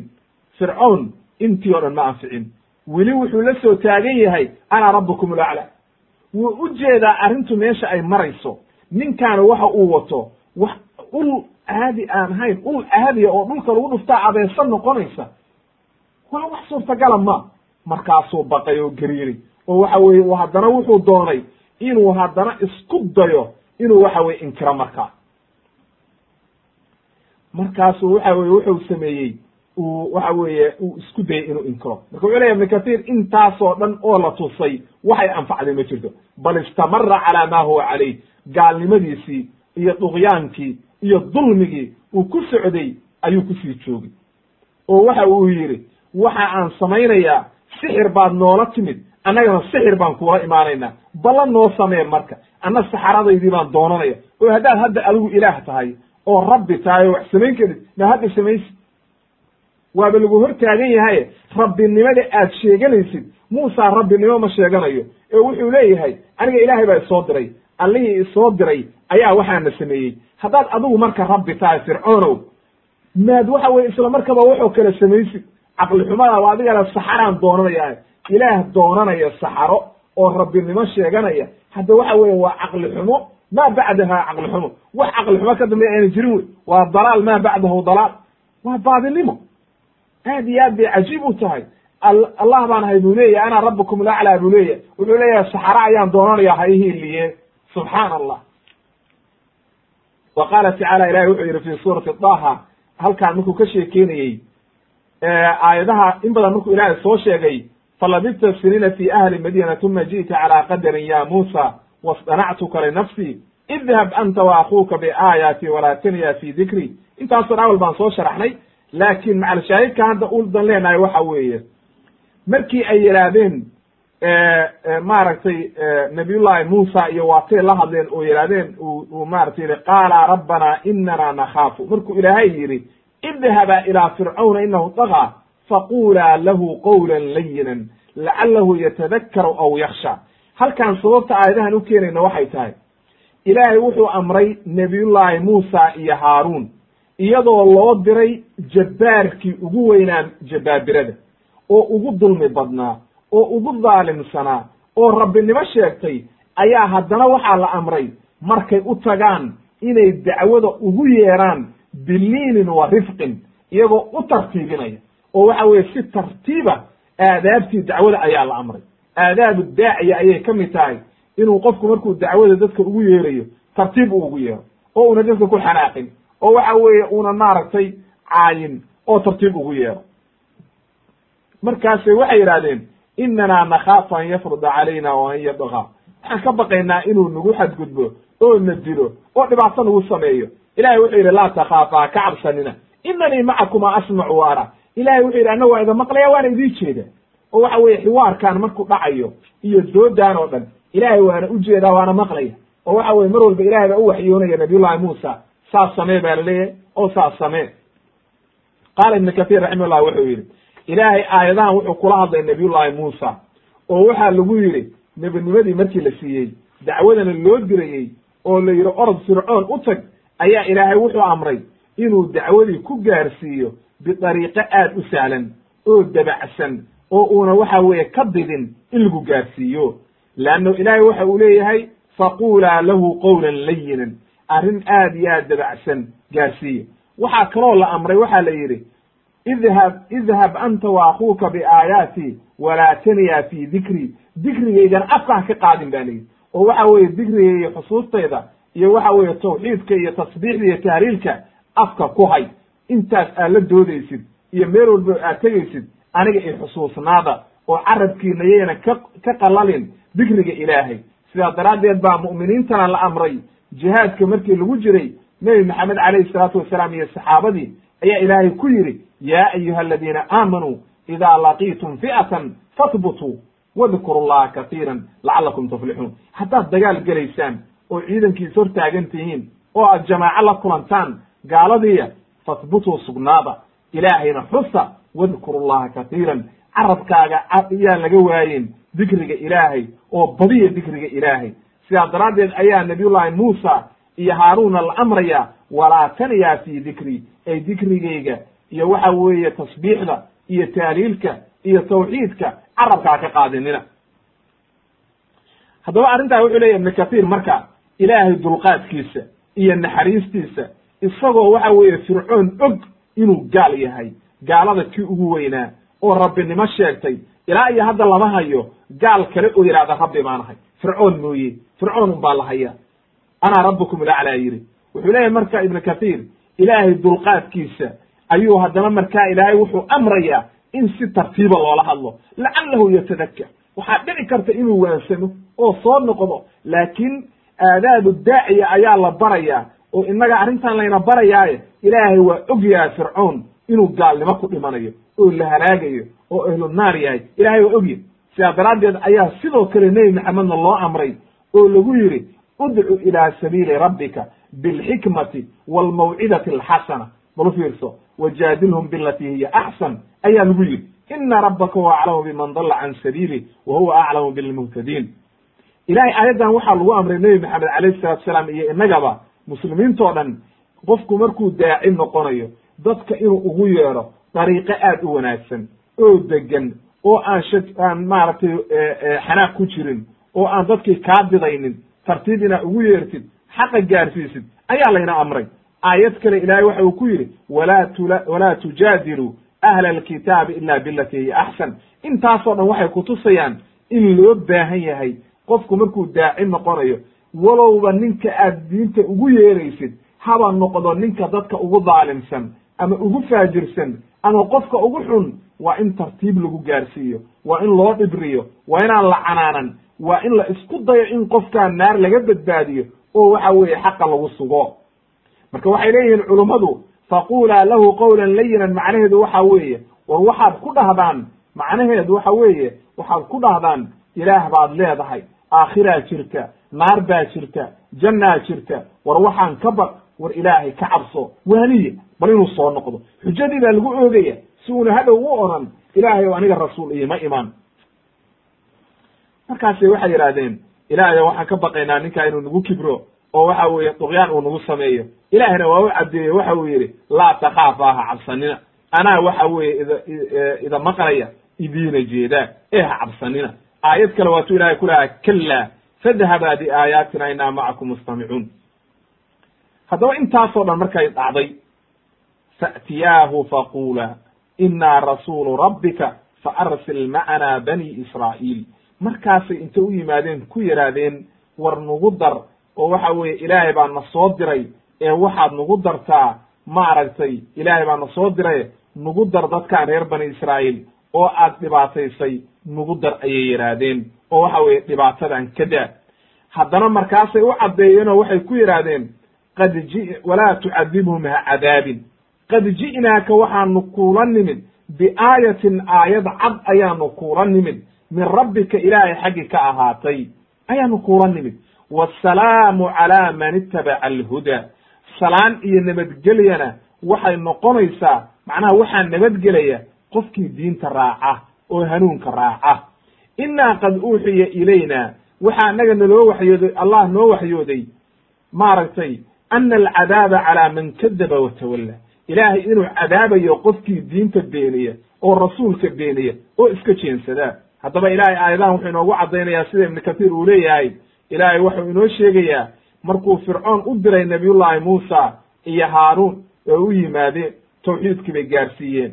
Waxayna u caddeeyeen markay tawxiidkii gaarsiiyeen dariiqadii labaad inay tahay inuu reer bani israa'iil dhibaatada ka daayo inuu addoonsiga ka daayo inuu ku daro iyaga ayoo waxa weeye mas'uuliyaddooda la wareegaan oo ilaahay say rabaan ay u caabudaan oo faraha uu ka qaado ayaa maaragtay laga la amray weye waxayna kaloo u caddeeyeen qofkii waxa weeye wasalaamu calaa man itabaca alhuda. Qofkii hanuunka raaca ayaa waxa weeye nabadgelyo o dhan helay. Aayaddan waxaa ku khaldamay firqada daallada ah oo baadiyowday oo la yidhahdo tagsiirka oo dadka gaaleeya ayaa markaa tiraahda assalaamu calayka waxay ku odhanayaan assalaamu calaa man itabaca alhuda. Sababtu maxay tahay? Dadkii oo dhan gaalay u arkaan. Haddaba arrintaasi waa arrin khatara. Qof muslima lama odhanayo assalaamu calaa man itabaca alhuda. Qofka muslimkaa waa in la yidhaahdo assalaamu calayka. Qofkii u diidana oo gaaleeyo qof muslimana dhibaato weyn buu la kulmayaa. Marka assalaamu calaa man itabaca alhuda. Waxaa loo adeegsadaa dadka gaalada ah oo waxa weeye markii lagula hadlayo khitaabka iyo waxa weeye dacwo loogu yeerayo. Laakiin qofkii aan hanuunka raacin hadda waa halaagsamay marka. Waxay ku yidhaahdeen inaa qad uuxiya ilayna ana alcadaaba calaa man kadaba watawalla ay macnaha qofkii diintan beeniya oo xaqa ka leexda cadaab ayaa ilaahay ugu talagalay oo waxa weye ilaahay inuu cadaabo ayuu caddeeyey. Markaasuu hadlayo waxa uu yidhi qaala faman rabbukumaa ya muusa war rabbigan aad sheegaysaan waa kuwee waa kee buu yidhi rabbigan aad sheegaysaan. Oo waxa weeye muusew rabbigan aad sheegaysid waa kuma. Weli xiwaarkii baa meelo badan ku soo arooraya oo waxa weeye doodii ayaa hadba meel ka imaanaysa oo waxa weeye dood badan ayaa dhex martay. Markaasu waxa uu yidhi nabiyullahi muusa waa hadle wuxuu yidhi aladi jacala lakum alarda mahdan wa salaka lakum fiiha. Waxa uu yihi aladi may aayadda qur'anka waxa weye markuu yihi qaala faman rabukuma ya muusa qaala rabbuna aladi acdaa kula shayin khalqahu tuma hada ilaahga aanu kuugu yeerayno oo rabbigeegu waxa weeye allihii wax walba abuuray wax walbana markaa siiyey markuu abuuray haddana hanuuniyey qaala famaa baalu lquruuni aluula wuxuu halkan ka doodayaa dood buu keenaya oo wuxuu leeyahay sida ibnu kathiir uu leeyahay raximahullah waxa uu leeyahay ibnu kathiir fircoon markuu ilaahay inkiray leanna waa tuu rabbinimo sheegtay. Wuxuu yidhi faman rabbukuma ya muusa? Markaasaa nabiyullahi muusa wuxuu yidhi rabbuna aladi acdaa kula shayin khalqahu tuma hada. Macnaha allahan aan kuugu yeerayno waa allihii cid walba abuuray. Markuu cid walba abuuray haddana hanuuniyey. Oo waxa weye qof walba ku hanuuniyey wixii uu abuuray qadartii rabbi oo ilaahay uu qadaray qofkii uu dalaal iyo baadinimo ugu talagalayna hadda waxa weeye ilaahay wuxuu ugu talagalay oo waxa weye uu ku hanuuniyey baadinimadii qofkii ilaahay uu ugu talagalay hanuunna jidkii toosnaa baa lagu hanuuniyey. Markaasuu hadlay oo waxa uu yidhi intuu hadlay leanna waa qadar rabbi wax walba. Waatuu ilahay aayad kale qur'aanka ku lahaa sabix isma rabbika laclaa aladi khalaqa fasawa markuu abuuray kabacdi oo toosiyey waladii qadara fahadda qadarta rabbi ayaa lagu soconaya. Wixii qofka ilaahay u qadaray ayuu waxa weye ku soconaya. Waataynu soo marnay qisatu aadam markaynu ka hadlaynay oo qasasul ambiya aynu bilownay.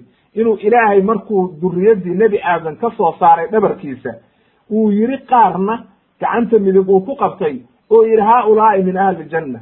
Jannaday gelayaan walaa ubaali kuwii bidixdana uu yidhi waa min ahli nnaar naartay gelayaan walaa ubaali marka qadar rabbi baa jirta wax walba ilaahay uu u qadaray qofka ayuu maraya. Ee qof qadartii rabbi sheegaya oo ka leexan karaa ma jiro markaasuu inkiray marka oo arrintaasuu dood ka keenay oo yidhi markaa famaa baalu lquruuni aluula haddaba hadduu ilaahay wax walba qadaray oo hanuuniyey maxay marka dadkii hore macnaheedu waxa weye famaa baalu lquruuni aluula ay macnaha muusow hadday arrintaas aad sheegaysid ay sax tahay.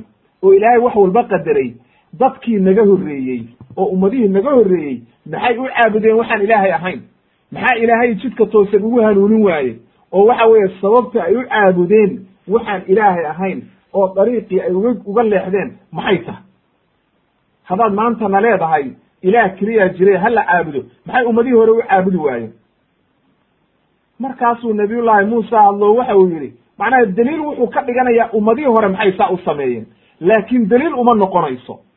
Qaala wuxuu yidhi cilmuhaa cinda rabbii fii kitaabin laa yadilu rabbii walaa yansa haddaba daliil kuma aha buu yidhi arrintaani in hadday xataa ilaahay waxaan ahayn caabudeen adiga xujo horta kuuma noqonayso sababtu waxa weeye waxaan aan sheegayna ma khilaafayso leannahu waxay ahaayeen jahalatun mithluka jaahiliin bay ahaayeen dhunsan sidaad u dhunsan tahay oo kale marka qof jaahilah muxuu saa u sameeyey adiga maanta daliil kuu noqon mayso leanna adigana jaahil baa tahay oo dhibaatadaada maanta samaynaysaa iyagana juhalo kale ayay ahaayeen. Haddaba adigana daliil kuma aha iyagana daliil uma aha. Kulligiina waa khaldantiin kulligiina naar baa wada gelaysaan. Haddiidan rabbigii subxaana qaadirkaa u soo noqon oo iidan ka joogsan arrintan kulligii naar baad gelaysaa. Oo jahalo oo kale ayay ahaayeen. Markaasuu waxa uu ku yidhi wax walbana allihii subxaana qaadirka ahaa ayaa qoray. Oo waxa weeye kitaabkii ilaahay uu qoray ayay ku sugan yihiin oo waxa weeye ma dhumayaan wey qaala cilmuhaa cinda rabbii fii kitaabin laa yadilu rabbii walaa yansa. Macnaha ilaahayga subxaana qaadirkaa looxal maxfuudkuu ku qoray kulli oo waxa weeye wax alla waxay sameeyeen looxal maxfuudkay ku qoran yihiin. Adna waxaa samaysay waa qoran yihiin. Qof walbana wuxuu sameeya waa la qorayaa wax dhumayana ma jiraan. Arrintaa marka daliilkumaa fircoonow inaad ku inkirtid oo tiraahid allah ma jiro mithqaala daratin oo dhumaysa ma jirto? Ilaahay waa qoray wey uma dakara lahu cadamata rabbi. Haddana markaasuu wuxuu u sheegay muusa cadamada ilaahay iyo khalqigiisa iyo si ilahay wax walba u awoodo. Iyo waxa weye bal dhulka fiiri buu yidhi alladii jacala macnaha dhulka fiiri buu yidhi siduu ilaahay idinku abuuray oo idinka dhigay mahdan macnaha dhulkii baa laydin sameeyey buu yidhi. Oo waxa weeye markuu u sheegay oo allihii subxaana qaadirkaa ayuu wuxuu ku yidhi alladii jacala lakum alarda mahdan wa salaka lakum fiiha subulan wa anzala min alsamaa'i maa'an faakhrajna bihi azwaajan min nabaatin shatta. Kuluu warcaw ancaamakum ina fi dalika laaayaati liulinuha bal u fiirso macnaha fiiri baa la yidhi dhul. Allihii subxaana qaadirkaa oo samadaan abuuray oo dhulka abuuray dhulka idin fidiyey oo gobol idinka dhigay oo samadii waxa weeye kor idinka keenay oo aad harsanaysa oo roob idinka keenay oo biyihii intuu dhulka geeyey haddana idinka soo saaray risiqa aad cunayseen idinka iyo xoolihiinuba. Haddana idin yidhi markaa cuna oo saartaan ugu raaxaysta ina fi dalika la aayaatin liuli nnuha ay uli lcuquul qofkii ladi lcuquul macnaha qofka caqli leh oo wax kala garanaya ayaa arrintaasi ay u tahay wax uu kuwaana qaato. Haddaba marka allihii khaaliqa ahaa oo raasiqa ahaa oo wax walba abuuray aayad kale waatuu ilaahay ku lahaa yaa ayuha annaasu icbuduu rabbakum aladii khalaqakum waladiina min qablikum lacalakum tattaquun war allihii idinkayda abuuray iyo kuwiida ka horreeyeyba ka cabsada oo caabuda allahaasaa cibaado mudane alladii jacala lakum alarda firaashan gogol baa laydinka dhigay oo waxa weeye aad goglanaysaan meesha artaa iska seexanaysaa wasamaa'a binaa'an samadiina kor baa lagaaga hareeyey oo har ayay kuu tahay. Haddaba marka allihii saa kuu yeelay anzala min alsamaa'i maa'an faakhraja bihi min athamaraati risqan lakum falaa tajcaluu haddaba intaasoo dhan allihii wanaaga kuu galay falaa tajcaluu lilahi andaadan wa antum taclamuun idinka oo garanaya oo og ilaahay sanamiyo hala caabudinina oo ilaahyo kale ha u samaynina oo arrintaa iska ilaaliya intaasoo dhan markii loo sheegay oo wanaaggii o dhan loo sheegay oo nicamkii o dhan loo sheegay ayaa haddana ilaahay waxaa la xusuusiyey oo ilaahay uu xusuusinaya aakhira haddana inay jirto oo macaad uu jiro oo laysa soo saarayo. Ilaahay wuxuu yidhi minha ay alarda min alardi khalaqnaakum dhulkaan idinka abuurnay. Nabiyullaahi aadam baaba ishaaraya markii ilaahay uu dhulka ka abuuray. Wa fiiha nuciidukum markaad dhimataanna dhulkaa laydinku xabaalin wa minha nukhrijukum taaratan ukhraa. Haddana ciiddaa laydinka soo saaraya dhulkii ayaa haddana qiyaamihii markaad timaadaan. Sida ilaahay aayad kale u lahaa kamaa bada'akum tacuuduun sidii marka hore ilaahay idii abuuray ayaa haddana ugu noqonaysaan. Marka waxa weeye wax la inkira ma aha. Ilaahayna way u fududahay. Waa tii ilaahay aayad kale ku lahaa wa huwa aladii yabda'u alkhalqa uma yuciiduh wa huwa ahwanu calayh. Walahu lmathalu laclaa fi samaawaati waalardi wa huwa alcaziiz alxakiim haddaba marka allihii subxaana qaadirka oo wax walba awooda oo wax walba soo saaraya oo nooca idiin sameeyey ayaa rabbi la caabudaa ayaa rabbi la raacaa ayaa rabbi wax walba mudana ee fircoona waxaan aawodi jooji oo waxa weeye ilaahay u hoggaansan oo dariiqa xaqaa raac haddaba marka qodobkaa dheeraa oo xiwaarkii dhex maray iyo doodii dhex martay nabiyullaahi muusa iyo fircoon waxa weeye intaas kabacdi waxaynu marka u soo gudbaynaa fircoon muxuu sameeyey? Intaas intaasoo aayada iyo intaasoo wanaaga iyadoo la tusay muxuu sameeyey marka fircoon. Waa qodobka afraad baynu ku keenaynaa takdiibu fircoon biaayaati rabbi. Aayadihii ilaahay isagoo beeniyey oo ku caaruday oo la yimid yidhi sixir baan la imaanaya ayaynu halkaan ku keenayna. Qaala allahu tacala ilahi waxa uu yidhi walaqad araynaahu aayaatina kullaha fakadaba wa abaa aayadihii oo dhan ilaahay intuu tusay ayuu beeniyey oo diidey. Oo qaala markaa waxa uu yidhi qaala aji'tanaa litukhrijanaa min ardina bisixrika ya muusa. Ma waxaad noola timid sixirkaaga inaad waddanka nagaga saadhid falana'tiyannaka bisixrin mitlihi fajcal baynana wa baynaka mawcidan laa nukhlifuhu naxnu walaa anta makaanan suwa waxaanu la imaanaynaa buu yidhi sixir annaguna kale ballan noo samee aynu isugu nimaadno nabiyullaahi muusa waa hadla wuxuu yidhi qaala mawcidukum yowmu ziina maalinta waxa weeye quruxda waa maalin ciida ayay ahayd ba la yidhi ayaa waxa weye la isku imaanaya wa an yuxshara annaasu duxaa iyo in la isugu yimaado maalin barqa ah barqadii goor barqaa in la isugu yimaado ayaa inoo ballana buu yidhi maalinta ciidda oo dadkao dhan soo baxaan. Waxa uu leeyahay ibn kathir raximahullah iyo maaragtay uu soo guurinaya wuxuu leeyahay fircoon aayadihii ilaahay oo dhan intuu beeniyey oo diiday kulli wax alla wixii lagu dul akriyey wax alla wixii loo sheegay waa diiday uu.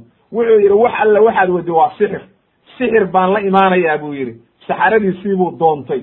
Oo waxa weeye aan soo kulminaya anna waxaan doonayaa yidhi inaan sixirkaaga oo kale la imaado oo aan baabi'iyo sixirkaaga ee ballan ii samee. Ilay ogaaye markaan ma ma xiri karo waxna kuma samayn karo. Ninkii awood buu la yimid. Ka awood weynaa. Hadduu soo aado ushaanuu ku tuuraya abeesay ku noqonaysaa. Wax alla waxa ciidan uu u keeno waa cunaysa. Haddaba marka dantii waxay ku khasabtay fircoon inuu yidhaahdo ballan inoo samee marka. Haddaba ku aragna inaad in xoog la tahaye oo arrintaada aan loo geli karin ballan inoo samee markaasuu nabiyullaahi muusa waaba arrintii uu rabay weeye. Nabiyullahi muusa dadko dhan inay isku yimaadaan oo xaqa uu bayaaniyo markaasu wuxuu yidhi mawcidukum yowmu ziina waxay ahayd ba layi marka maalin ciida oo min acyaadihim ciidahooda ka mida wa an yuxshara naasu duxa barqadiina in la isku yimaado. Macnaha maalin barqadii fii awali nahaar.